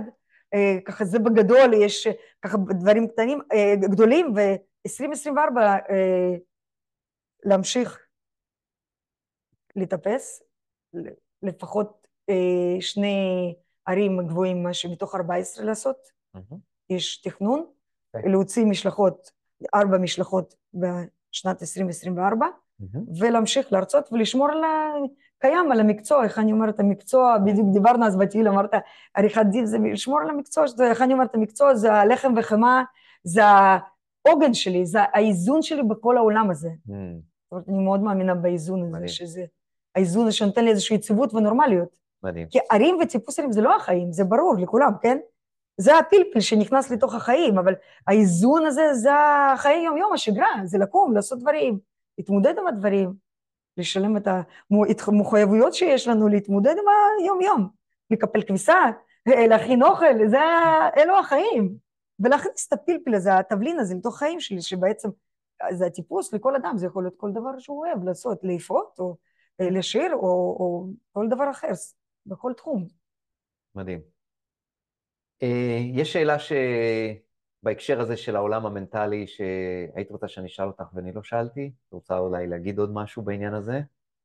כן, אולי תשאל אותי מה הפחד שלי. מה הפחד שלך? הפחד שלי כמו לכולם, פחד שאני לא אצליח. הפחד שאני לא אצליח, ותמיד אומרים לי, הגעת לפסגת אברסט, מה כבר?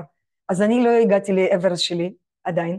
Mm. אמנם אברסט עמדתי על פסגת האברסט, ותמיד אני אומרת, לכל אדם יש את האברסט שלו, אז אני עדיין בחיפוש, בלדייק את העבר שלי, וממשיכה, ואני שמחה שאני מחפשת, ויש הרבה זמן לעשות דברים שתמיד אני אדע מה האברסט הבא שלי, ותמיד אדע לדייק את זה, וכמובן הפחד. אז יש פחד, לא אז שוב, אנחנו כאילו משמעי. סוגרים פה מעגל, דיברנו על הפחד, משמעי. יש פחד, אבל אנחנו לא נותנים לפחד לנהל אותנו, ומשתמשים בפחד הזה כדחף, כי זה שאת פוחדת לא להצליח, זה דוחף אותך להצליח. כמובן באיזון, בלקיחת הסיכונים המתאימים, בהדרגה, בצעדים קטנים, כל הדברים שדיברנו פה במחויבות, באחריות, בנחישות, בהתמדה, אה, כל הדברים שדיברנו פה. אה, עוד שתי שאלות קצרות. אחת, אם את יכולה פה לתת מסר לאנשים ששומעים אותנו, שהם לא מטפסי ערים, שהם בעלי עסקים, מנהלים או שכירים, שהם, שקשה להם, הם, הם רוצים אך מתקשים להצליח ולממש את התוכניות שלהם והרצונות שלהם. איזה מסר ככה לסיכום את יכולה לתת להם? יש כמובן, אני אלך אחורה, ב-2017, קודם כל, שנייה, איך אמרת לי? לעצור הכל, למצוא שעה, mm-hmm. לקחת דף לבן, עט, ולכתוב מה החלום. פשוט לכתוב. חלום, חזון, איך שיכולים לקרוא לזה, זה בכלל לא קשור, לכתוב, לכתוב. אני רוצה שהעסק שלי יהיה ככה וככה, לכתוב, לכתוב, לדייק, ולשים גם יעדים, מועדים, זאת אומרת אפילו לכמת את זה בזמנים, כן. בדיוק, בזמנים. דבר שני, לשתף, לשתף את הסביבה, וגם אם יהיה רעש חיצוני, שהוא שלילי, וייכנס ויגיד, השתגעת? הבן שלי אמר לי, את השתגעת? את מבזבזת כסף על טיפוס הרים? איך הוא אמר לי, תתעסקי במשרד שלך ותמצאי לך בן זוג. הבן שלי אמר לי. אמרתי, אריאל, אוקיי. את כאן. ואני ממוקדת. אני ממוקדת. ומי שהכניס לי את הרעש החיצוני והווייב השלילי, פשוט אמרתי לעצמי, אני אמרתי לעצמי, שנייה, כרגע זה מכניס לי משהו שלילי, זה לא מתאים לי כרגע, אז אני כרגע קצת אה, מתרחקת מהאנשים האלה, ואני רוצה להתמקד בדבר שאני מאמינה, כי אני מאמינה. וככה עשיתי. אז קודם כל, אנשים כשאומרים דברים שליליים, זה פחד שלהם, זה בא מהם. זה לא... זה, אז- אני אומר שזה זבל שמנסים לשים עליך. בדיוק. אם אתה משאית זבל, אתה אוסף את זה. בדיוק. אבל לא, לא, לא להיות משאית זבל. נכון, לא, בסדר, הם אמרו, זה, יש להם דעה, זה בסדר, אבל לא חייבים לקבל ולשמוע ולשים איזושהי מחיצה ולהיות ממוקדים בדבר הזה. מהמם. זה המסר השני, לשתף, לשתף את הסביבה. ואני שמתי לב שאם בן אדם מתמיד ומאמין, גם הסביבה שלו האמינה, פתאום מתאימה את עצמה, ופתאום עוזרת, ופתאום מפרגנת, ופתאום מתאימה את כל הדבר הזה שהכל יעבוד. פתאום כי רואים את אותו אדם שהוא כתב את החלום הזה, והוא פתאום מתמיד ועובד נחוש, בזה, נחוש, אז גם הסביבה פתאום מתאימה ומשנה. מעולה, זה- מעולה. אמ, יש לך איזה שאלות אליי? מה החלום שלך? מה החלום שלי? כן, מה החלום שלך לשנת 2024, ומה החלום הגדול יותר? כן. אוקיי, אז קודם כל נתחיל מהח- מהחז- החלון הג- החלום הגדול. החלום הגדול הוא לצאת מגבולות ישראל ולהשפיע על מיליונים בעולם, לעזור להם להשיג את היעדים שלהם אמ, בכל תחומי החיים.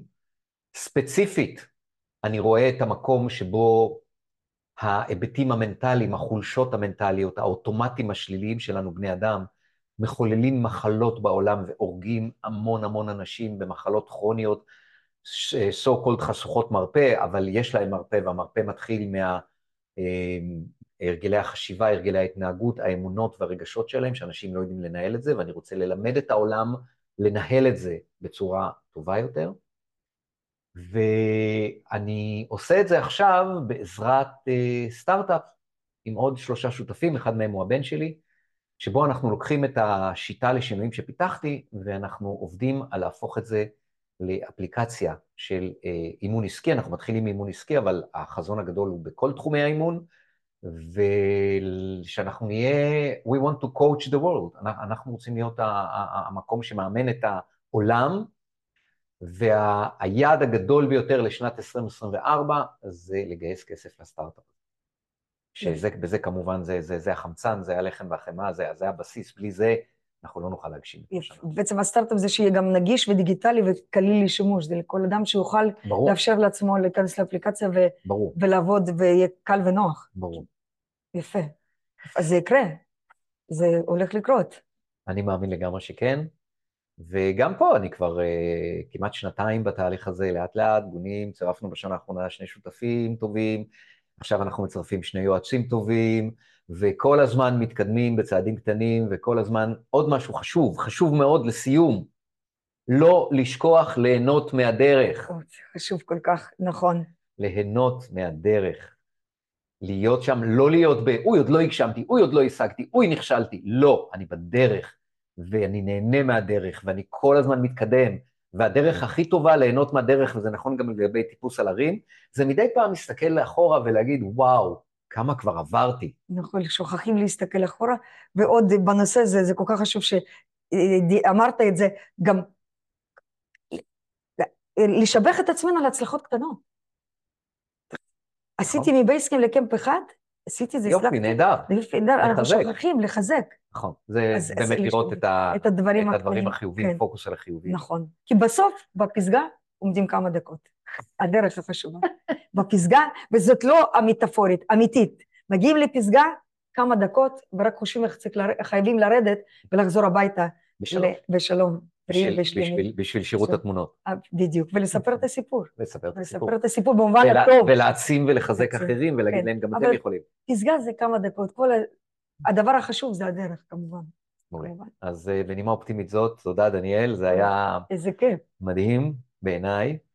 אמ, אז נהניתם, אהבתם את מה ששמעתם, שתפו, ספרו ברשתות החברתיות, תפרגנו, אה, תגיבו. כל מה, ש... כל מה שבראש שלכם תעשו, תשתפו, ותודה רבה, ונתראה, בפ... תודה רבה. דניאל, בדיוק. ונתראה בפודקאסטים הבאים. תודה, להתראות.